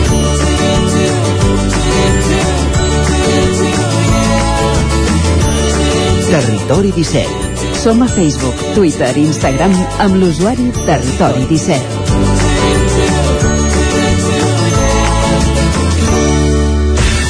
El nou FM, la ràdio de casa, al 92.8. Arriba la primavera i tornen les samarretes. A Gràfic Cert tenim una extensa varietat de samarretes per vestir el teu personal, promocionar la teva empresa, club esportiu, associació... Si estàs organitzant un esdeveniment esportiu o una festa cultural, una samarreta és una bona opció per lluir la teva marca. Ja ho saps, si el que necessites per la teva promoció és una samarreta, Gràfic Cert és el teu proveïdor. I ara també tenim a la teva disposició samarretes 100% reciclades tant de cotó com de polièster. No esperis més i truca'ns al 93 886 12 15 o visita'ns a graficcert.com.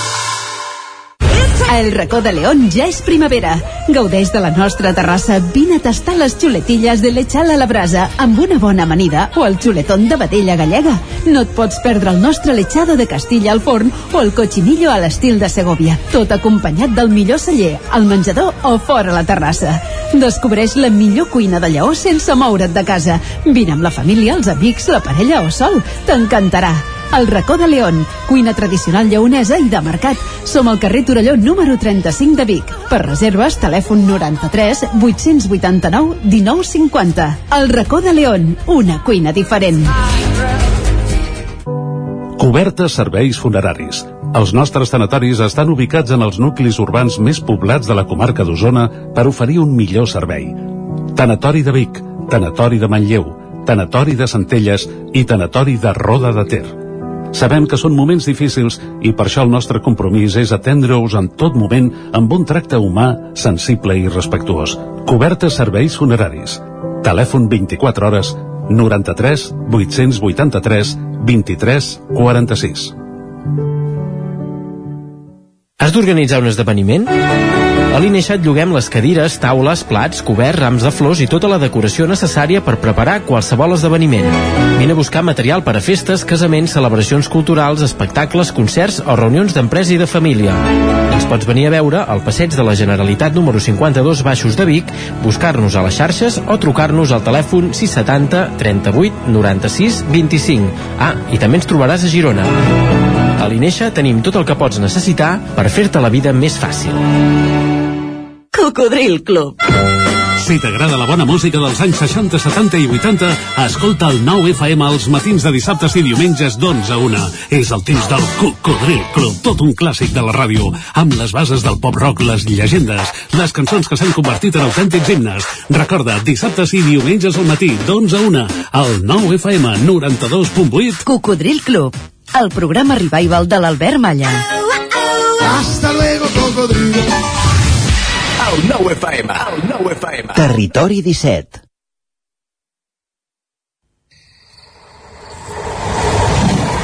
A Tren d'Alba. Cada dia els usuaris de la línia R3 de Rodalies que veuen sortir el sol des d'un vagó ens expliquen les gràcies i les penes del primer comboi que uneix Ripoll i Barcelona. Benvinguts a Tren d'Alba. Sobre els nous horaris també analitzarem el que suposa per les diferents estacions. Per exemple, a Centella s'hi observen els majors canvis, ja que hi ha molts trens que s'hi aturen. Des del grup Perquè no ens fotin el tren, havien denunciat des del primer dia l'anomalia que es produïa en la zona tarifària de la línia R3, que inclou Centelles, on molts trens no paraven i generaven forats de servei molt amplis. D'altra banda, es donava el cas de trens semidirectes que paraven de forma programada per fer un encreuament amb temps d'espera, però que no obrien portes perquè no hi tenien parada prevista a l'horari. Esperem que aquesta millora impulsi impulsi l'ús del tren al sud de la comarca d'Osona. Per això en Jordi Valls està tan content a la crònica d'avui. Bon dia, avui sóc en Jordi de Centelles. El tren de Ripoll al primer, crec que és el primer perquè és un embolic ara amb els horaris, ha arribat un minutet tard. Bé, prou bé, no ens podem queixar. Això de la reforma horària, i mai millor dit, eh, ens ha sortit prou bé. I a veure, per fer enveja a totes les línies, els de Centelles crec que som, de tota Catalunya ferroviària, els que millor parats hem sortit amb tota aquesta moguda d'obres i horaris. Que ens parin els semidirectes, que cada mitja hora més o menys tinguem servei excepte al migdia, que imagino que el que fan és enviar els trens a lloc. Ostris, estem molt contents.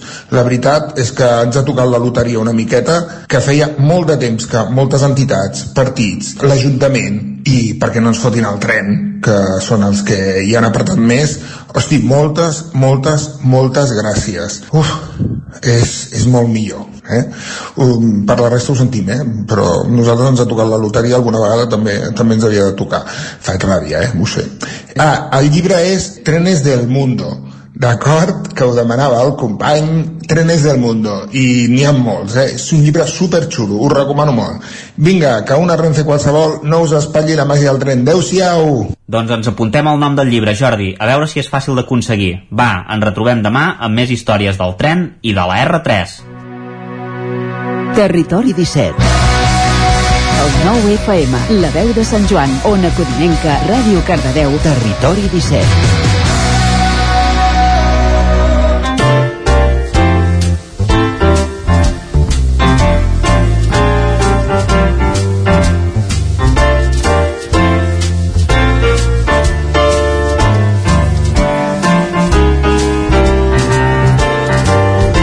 Gairebé 3 minuts que passen de dos quarts de 12 i al territori 17 comencem aquell recorregut que tant ens agrada els dimecres. No el fem en tren, no el fem virtualment per les zones, eh, en connexió amb les diferents emissores al territori 17 per conèixer els actes més destacats de l'agenda cultural pels propers dies a, a casa nostra, a les diferents comarques del territori 17. Una agenda de música, d'espectacles, de teatre, de dansa i que comencem als estudis de Ràdio Televisió Cardedeu amb l'Òscar Muñoz. Bon dia, Òscar. Doncs comencem el repàs cultural avui dimecres aquí a Cardedeu hi haurà la segona mostra de dansa i poesia. Es projectaran a la Biblioteca Mar de Vialba les peces de vídeo rebudes i hi haurà una petita actuació de dansa i poesia en directe. Organitza As d'Arts a les 6 a la biblioteca. Dissabte a dos quarts de vuit al vespre a Camp Malla a la plaça Ajuntament la historiadora Assumpta Montellà farà la presentació del llibre El caliu de la il·lusió, unes 177 cartes guardades a Camp Malla del temps de la guerra i que reprodueixen en aquest llibre.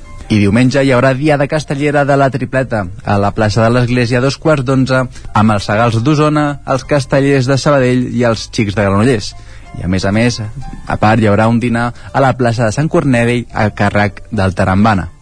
A Granollers divendres a l'Auditori li dediquen una nit a l'oboè, on vindrà l'Eduardo Martínez per presentar la versabilitat d'aquest instrument. Estarà acompanyat d'en Jordi Torrent al piano. Hi haurà entrades des de 10 euros a taquilla del Teatre Auditori o per internet. I també divendres a l'equipament juvenil Gram hi haurà el de Carmanyola Night i aquesta nit serà diferent a les anteriors ja que no hi haurà concert faran monòlegs amb la Sandra Rossi. A partir de les 9 doncs hi haurà aquests monòlegs i doncs tothom qui vulgui anar a sopar amb la seva carmanyola a l'equipament juvenil Gra divendres a les 9 i acabem dissabte a la sala Nau Veu hi haurà el concert de Maruja Limón un artista que barreja flamenc, rumba, pop i ritmes llatins i urbans. Aquest quintet barceloní arriba a Granollers amb les entrades des de 15 euros encara queden a la sala 9 de Granollers. Gràcies, Òscar, doncs, per aquest eh, repàs a l'agenda cultural dels propers dies a, al Vallès Oriental, a diferents punts, com, com deies, com Cardeu, Llinàs, Granollers, i continuem tot seguit aquest recorregut per diversos punts de, del territori 17, no sense abans escoltar un d'aquests grups que ens comentaves, eh, els Maruja Limón, que seran dissabte a la sala 9 amb cançons com aquesta, Ante mi.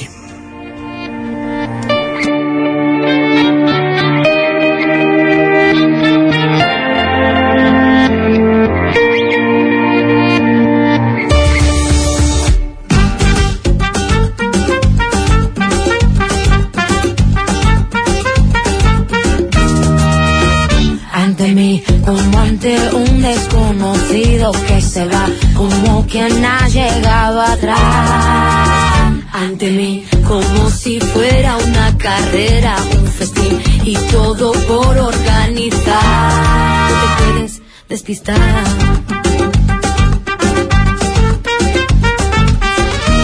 Como respirar, que te apoya sin cesar,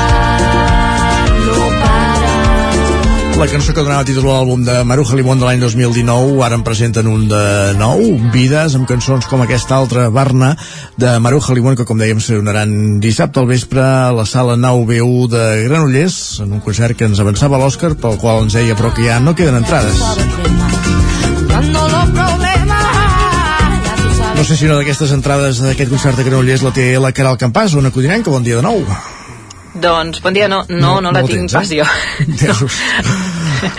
Eh, Però segur que hi ha altres una propostes. mica de per- música Exacte. sí, i una mica de música i les propostes de la zona dona codinenca començo però per una presentació d'un llibre amb un acte tardà podríem dir del Sant Jordi 2022 de Caldes de Montbui eh, serà aquest dissabte a les 7 de la tarda i es presentarà el llibre El rastre Aníbal d'Àngel Marzo a càrrec de Marta Pessarrodona Premi d'Honor de les Lletres Catalanes i Jeroni Miquel eh, aquesta presentació d'aquest llibre serà com deia, eh, aquest dissabte a les 7 de la tarda a Caldes, al casino de Caldes de Montbui.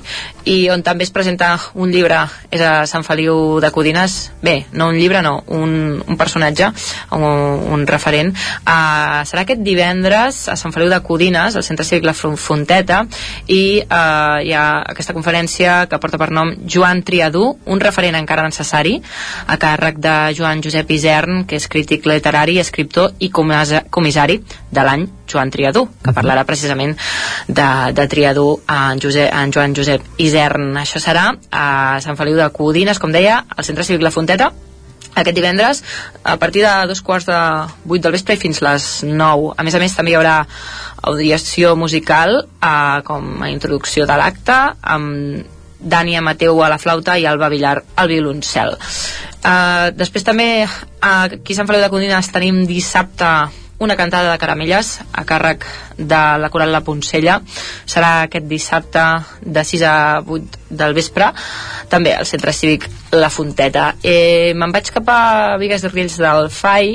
Aquí tenim eh, una proposta aquest divendres a partir de les 6 de la tarda davant del centre cívic i cultural El Riaral i és que per, en motiu del Dia Internacional de la Dansa hi haurà una mostra de sevillanes, ioga i ball en línia a càrrec dels grups del, del municipi amb un taller de teles també en acabar l'acte uh, Sevillanes, amb- ioga i ball, li- sevillanes i, i ioga junts, eh? déu nhi els conceptes. Literalment. Sí, sí. Vale. mostra de sevillanes, ioga i ball en línia. Perfecte. I, i participaran a Bada Lleure, Dansa a la Cova, Únic Dance Studio, Jai Evans, Clàudia Jazz Fusió i Tussica Circ. Tot això aquest divendres a Vigues. Um, on també, perdó, a Riells, davant del Centre Cívic Cultural al Riaral.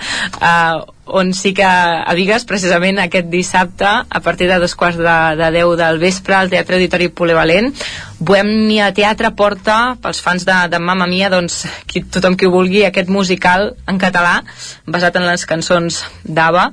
Uh, bé, doncs això, eh? Uh, aquest dissabte serà a partir de dos quarts de 10 del vespre, al Teatre Auditori Polivalent. Es poden adquirir entrades a través d'entrapolis.com per un preu de 16 euros. Doncs bé, Mamma Mia, musical en català a càrrec de, de Bohemia Teatre. Uh, me'n vaig al Moianès aquí a Castellcí el Bibliobús Tagamanent presenta um, màgia i mim de la mà d'un venedor de gelats uh, Geli Cadabra amb Fèlix Brunet. Serà demà, demà dijous al matí, a dos quarts de 12 del matí al casal de Castellcí també tenim una altra activitat de caire científic eh, aquí al Moianès um, i és que l'astrofísica, astrònoma i divulgadora afrofrancesa Fatoumata Kebe, que investiga la contaminació de l'espai i es postula per ser la primera dona que trepitgi la Lluna, uh, participarà aquest divendres en un acte divulgatiu Dones Astronautes davant de 128 alumnes de l'Institut Escola Ramona Calvet de Castellterçol amb una conferència. Eh, serà una jornada dedicada als futurs viatges al planeta vermell en la qual intervindran també les científiques Carla Conejo eh, de la Fundació Catalunya La Pedrera i Beatriz Ir Irribarren de l'Agència Espacial Europea i bé, tot això eh, serà a partir de dos quarts d'onze del matí aquest divendres al Centre Espai Escènic eh, de Castellterçol. És una iniciativa impulsada des de la Fundació Catalana per la Recerca i la Innovació i, i dins del programa eh, científiques que bé, vol impulsar els vincles col·laboratius entre investigadores públiques i, i privades i també fomentar les vocacions científiques entre nenes eh? i per això també es fa davant de, dels alumnes de l'Institut de, de Castellterçol um, i tancaria l'agenda amb dues propostes més una presentació d'un llibre i una proposta musical la proposta musical és a càrrec de les Joventuts Musicals de Mollà, és en el marc del novè cicle de joves talents Maria Vilardell Vinyes. Uh -huh. um, serà a l'Auditori Sant Josep de Mollà aquest dissabte a les 6 de la tarda i actuarà Maria Juste al piano i el trio de Filló, Guillem Armengol al violí, Martina Armengol al, cel, al cello i Ramon Serra al piano.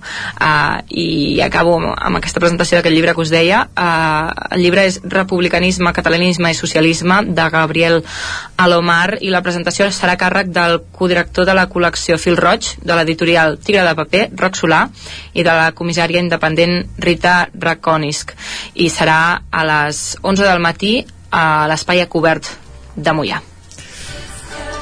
Doncs amb el musical que ens comentaves amb una de les seves cançons acabarem aquest repàs a, a una codinenca. Gràcies, Caral. Gràcies. Ja.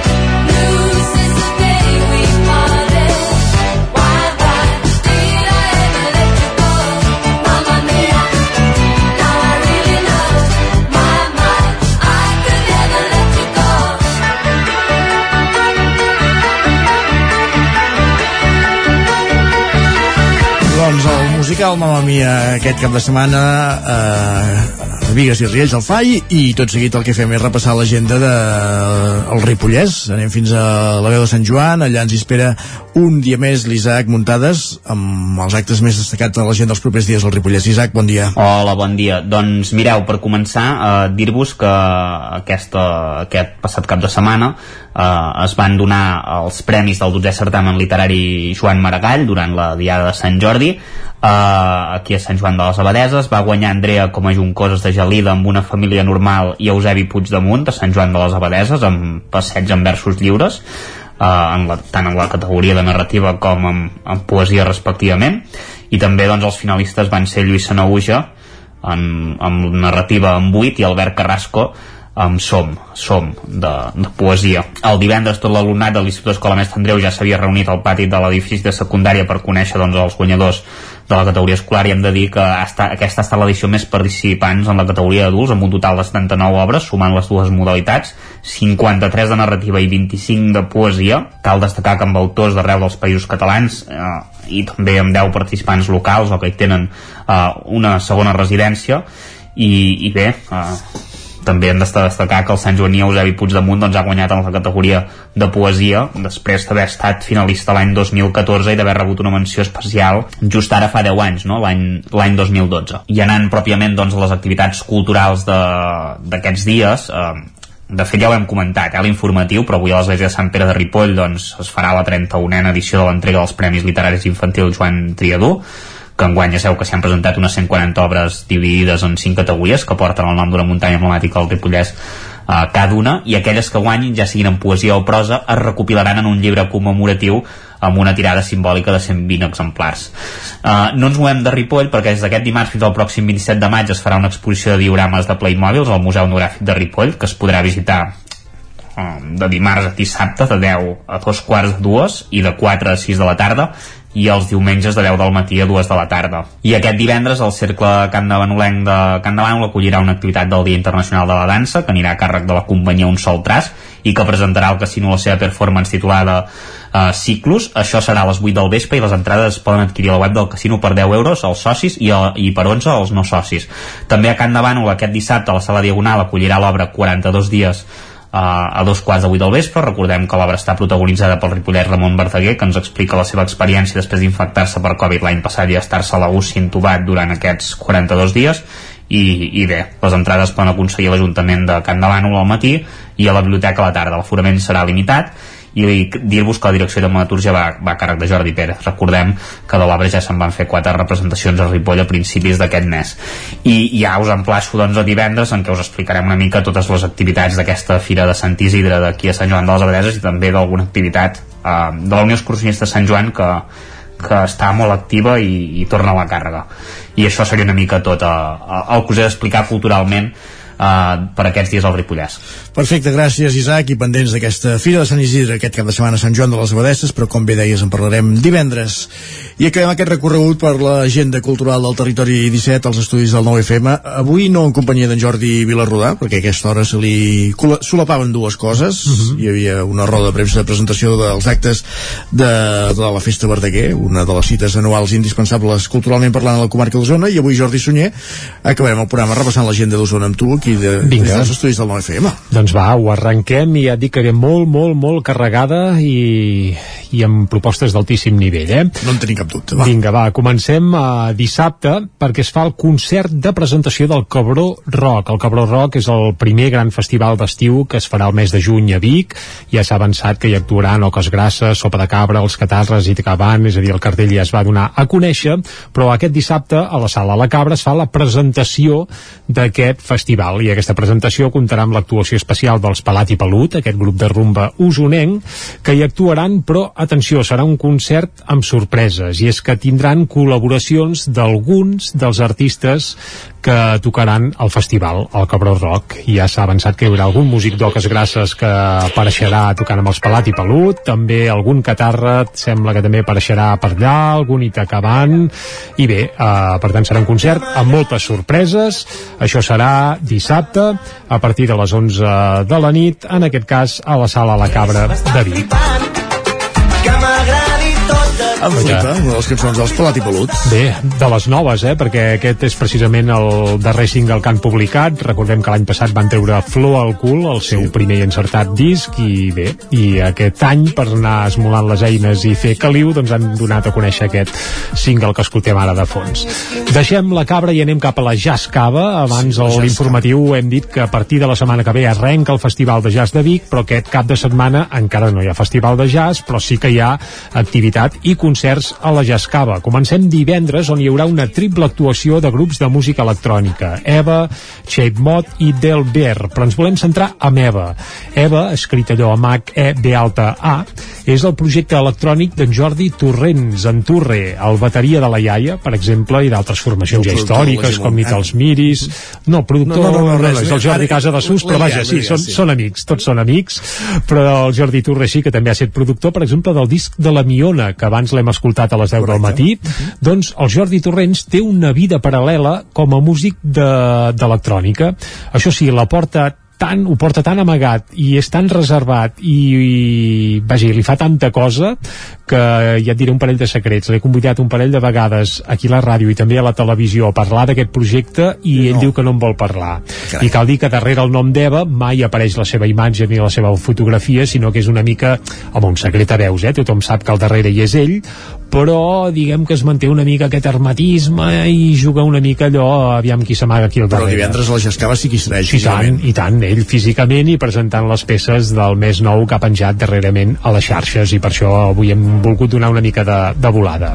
Dissabte, la Jazz Cava, més propostes, aniran de flamenc i apareixerà l'Anna Colom i l'Exequiel, una proposta a partir de les 10 del vespre a la Jazz Cava. I diumenge, ostres, un concert d'aquells que és un petit tresor i per això també hi volem donar molta importància. Disse, diumenge a les 7 del vespre a la Jazz Cava, el Pol Batlle i la Rita Pallés. Carai. El Pol Batlle, eh, cal dir que és, et sona el Ljubljana, Ljubljana, et sona una banda de, de rock clàssic que es deien Ljubljana, diguem que arran del confinament van plegar veles, el cantant d'aquella banda era el Pol Batlle, i la Rita Pallés, que n'hem de dir d'aquesta pubilla, últimament eh, va col·laborar en el darrer disc d'Oques Grasses, però se la, vaja, se la barallen a tot arreu, és una de les patums més bèsties de l'escena, no només nacional, sinó podríem dir europea, però resulta que el Pol Batlle i la Rita Pallés són parella carnal també, a part de parella artística.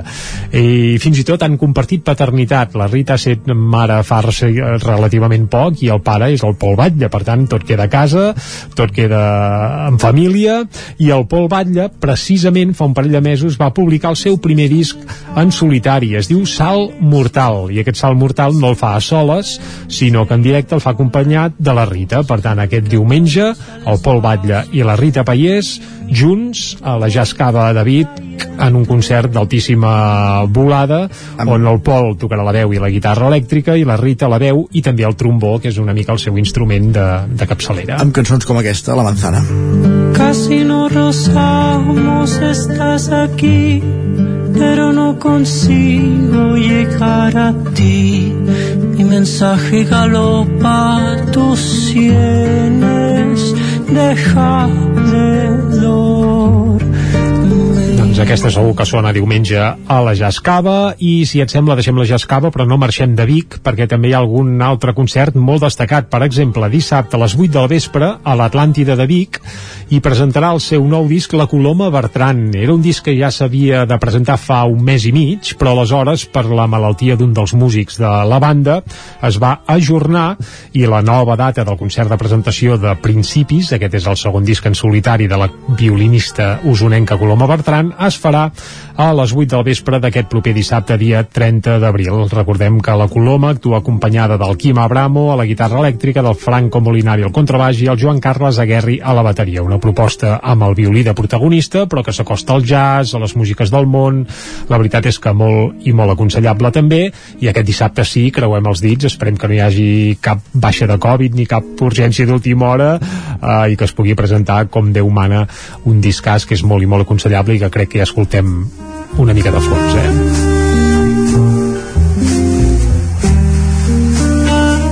Uh, aquesta cançó es diu Martina, és un disc totalment instrumental a diferència de l'anterior, sí. que s'envoltava de diferents intèrprets per cantar cadascuna de les versions que, que, que, hi, que hi portava. Eh? Correcte, en aquest disc no se sent cap veu, en tot cas se sent la veu del violí, de la, de la Coloma. Més coses que passaran aquest cap de setmana a l'Atlàntida de Vic. N'hi ha una de molt destacada i és l'Oda a Verdaguer. És una peça que va escriure el Salvador Brutons ja fa uns quants anys per commemorar el, bé, el, el 100, bé, ara anava a dir ara el que s'haurà de fer és, eh, és a dir, es, es commemorava els 100, els 100 anys de la mort de Verdaguer uh -huh. i per celebrar-ho doncs a l'Ajuntament de Vic li va encarregar al compositor Salvador Brutons una obra que va ser l'Oda Verdaguer, que es va estrenar fa 20 anys, que va ser un excitàs, però que no s'havia dut mai més a dalt dels escenaris.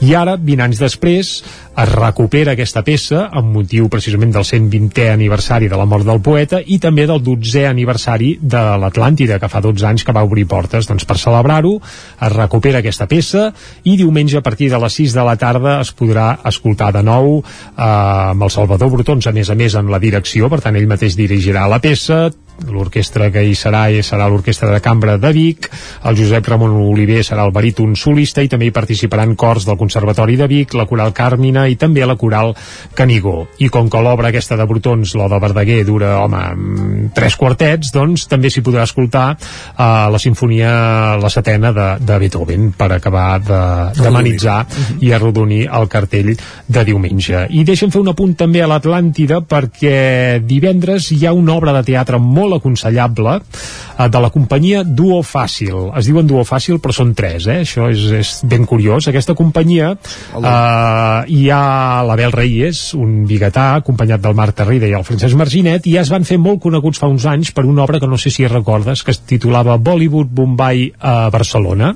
No. Era una espècie de posada en escena que anava del Bollywood, a espais còmics, una mica de crítica social, tot molt passat de voltes. Doncs ara aquells autors i aquella companyia han tret una obra nova que es diu La revolució de les quatre idees i els tres protagonistes que fan doncs són riders d'aquests de Globo que reparteixen menjar a domicili i se'n foten del sistema de tot plegat, molta ironia eh, moltes anades d'olla també cançons en directe i bàsicament versionen cançons revolucionàries passades pel seu particular sedàs i és una obra que ja s'ha estrenat, que ha tingut molt bones crítiques i que aterra aquest divendres a les 8 del vespre a l'Atlàntida de Vic i des d'aquí doncs home també la recomanem eh, molt fervorosament perquè, perquè val molt la pena molt bé Més coses, Més va, coses, anem va, ràpid perquè no ens volem deixar res. I és que aquest diumenge, dia 1 de maig, a les 5 de la tarda, ja fa uns quants dies que la sala La Canal de Tona està d'aniversari perquè se celebra el 25è aniversari de la Canal de Tona, uh -huh. un quart de segle ja d'aquesta d'aquesta sala, i una de les, va, jo diria que l'única companyia o l'únic, eh, els únics que hi han passat cada any durant 25 anys, saps qui són?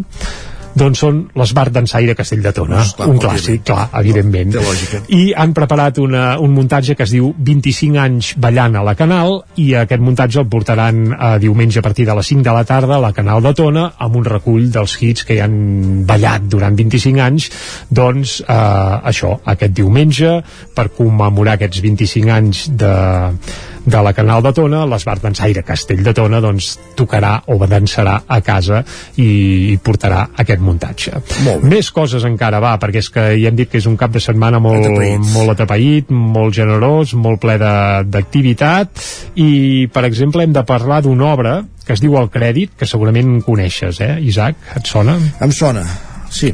Un clàssic de Jordi Galceran, de d'allò que, a més a més, perquè ens hem d'enganyar, hi ha multitud eh, de companyies de teatre amateur, etc que l'han dut eh, a dalt de l'escenari, perquè és que és, és un clàssic. Eh, el crèdit de Jordi Galceran, que s'ha pogut veure en multitud de versions, doncs aquest diumenge es podrà veure a Sant Hipòlit de Voltregà. Eh, la companyia de teatre local de Sant Hipòlit doncs el durà eh, en escena precisament doncs el... ara pla, espera't, que hem perdut l'horari tot, eh? però eh, Sant Hipòlit de Voltregà, el crèdit Uh, tatxant dissabte, això ja ho direm bé, dissabte a dos quarts de deu del vespre, la companyia de teatre de Sant Hipòlit, el crèdit de Jordi Galceran, dirigida en aquest cas pel Gabriel Salvans. Una molt bona proposta i busqueu i compareu perquè, per exemple, la mateixa obra es podrà veure el cap de setmana que ve a Centelles, feta pel grup de teatre local de Balanyà. Home, carai, per tant, gràcia. jo faig una proposta. Algú que vagi aquest cap de setmana a Sant Hipòlit, que vegi com ho fan els de Sant Hipòlit, i la setmana que ve que vagi a Centelles i vegi com ho fan els de la companyia de teatre de Balanyà, que en aquest cas la durà a Sant Hipòlit, una proposta una mica així passada de voltes, però que, que bé, que Molt pot bé. ser, pot ser divertit. I ens queda un minutet, no? Podem fer Encara encara, 30 alguna... segons, sí. 30 segons, va, doncs ens queda alguna recomanació i anirem, per exemple, cap a Manlleu, on els amics de la música, que fan un cicle de concerts que s'allarga doncs, durant, bé, eh, afortunadament tot l'any, doncs aquest eh, proper cap de setmana es podrà gaudir d'un concert a càrrec de grupcelo.cat, un grup de violoncels que actuaran en aquest cas a l'Espai Rossinyol de Manlleu eh, recordem-ho, eh, no al Teatre Municipal sinó a l'Espai Rossinyol dissabte a partir de les 7 de la tarda una proposta també molt aconsellable per veure violoncels a eh, primer pla i gaudir de la música en viu que és com, com s'ha de gaudir la música Perfecte, Jordi, doncs moltíssimes gràcies i acabem aquí aquesta repàs de l'agenda cultural. Bon dimecres i fins demà. va, vinga, demà més Adéu. Bye. Com dèiem, acabem l'agenda cultural i acabem el territori 17. Us hem acompanyat des de les 9 del matí Pepa Costa, Caral Campàs, Natàlia Peix, Txell Vilamala, Guillem Rico, Joan Garcia, Núria Lázaro, Jordi Givert, Isaac Montades, Òscar Muñoz, Jordi Sunyer i Isaac Moreno. I tornem demà. Bon dimecres. Gràcies per ser-hi. Territori 17, un magazín del nou FM. La veu de Sant Joan, Ona Codinenca i Ràdio Cardedeu amb el suport de la xarxa. El nou FM.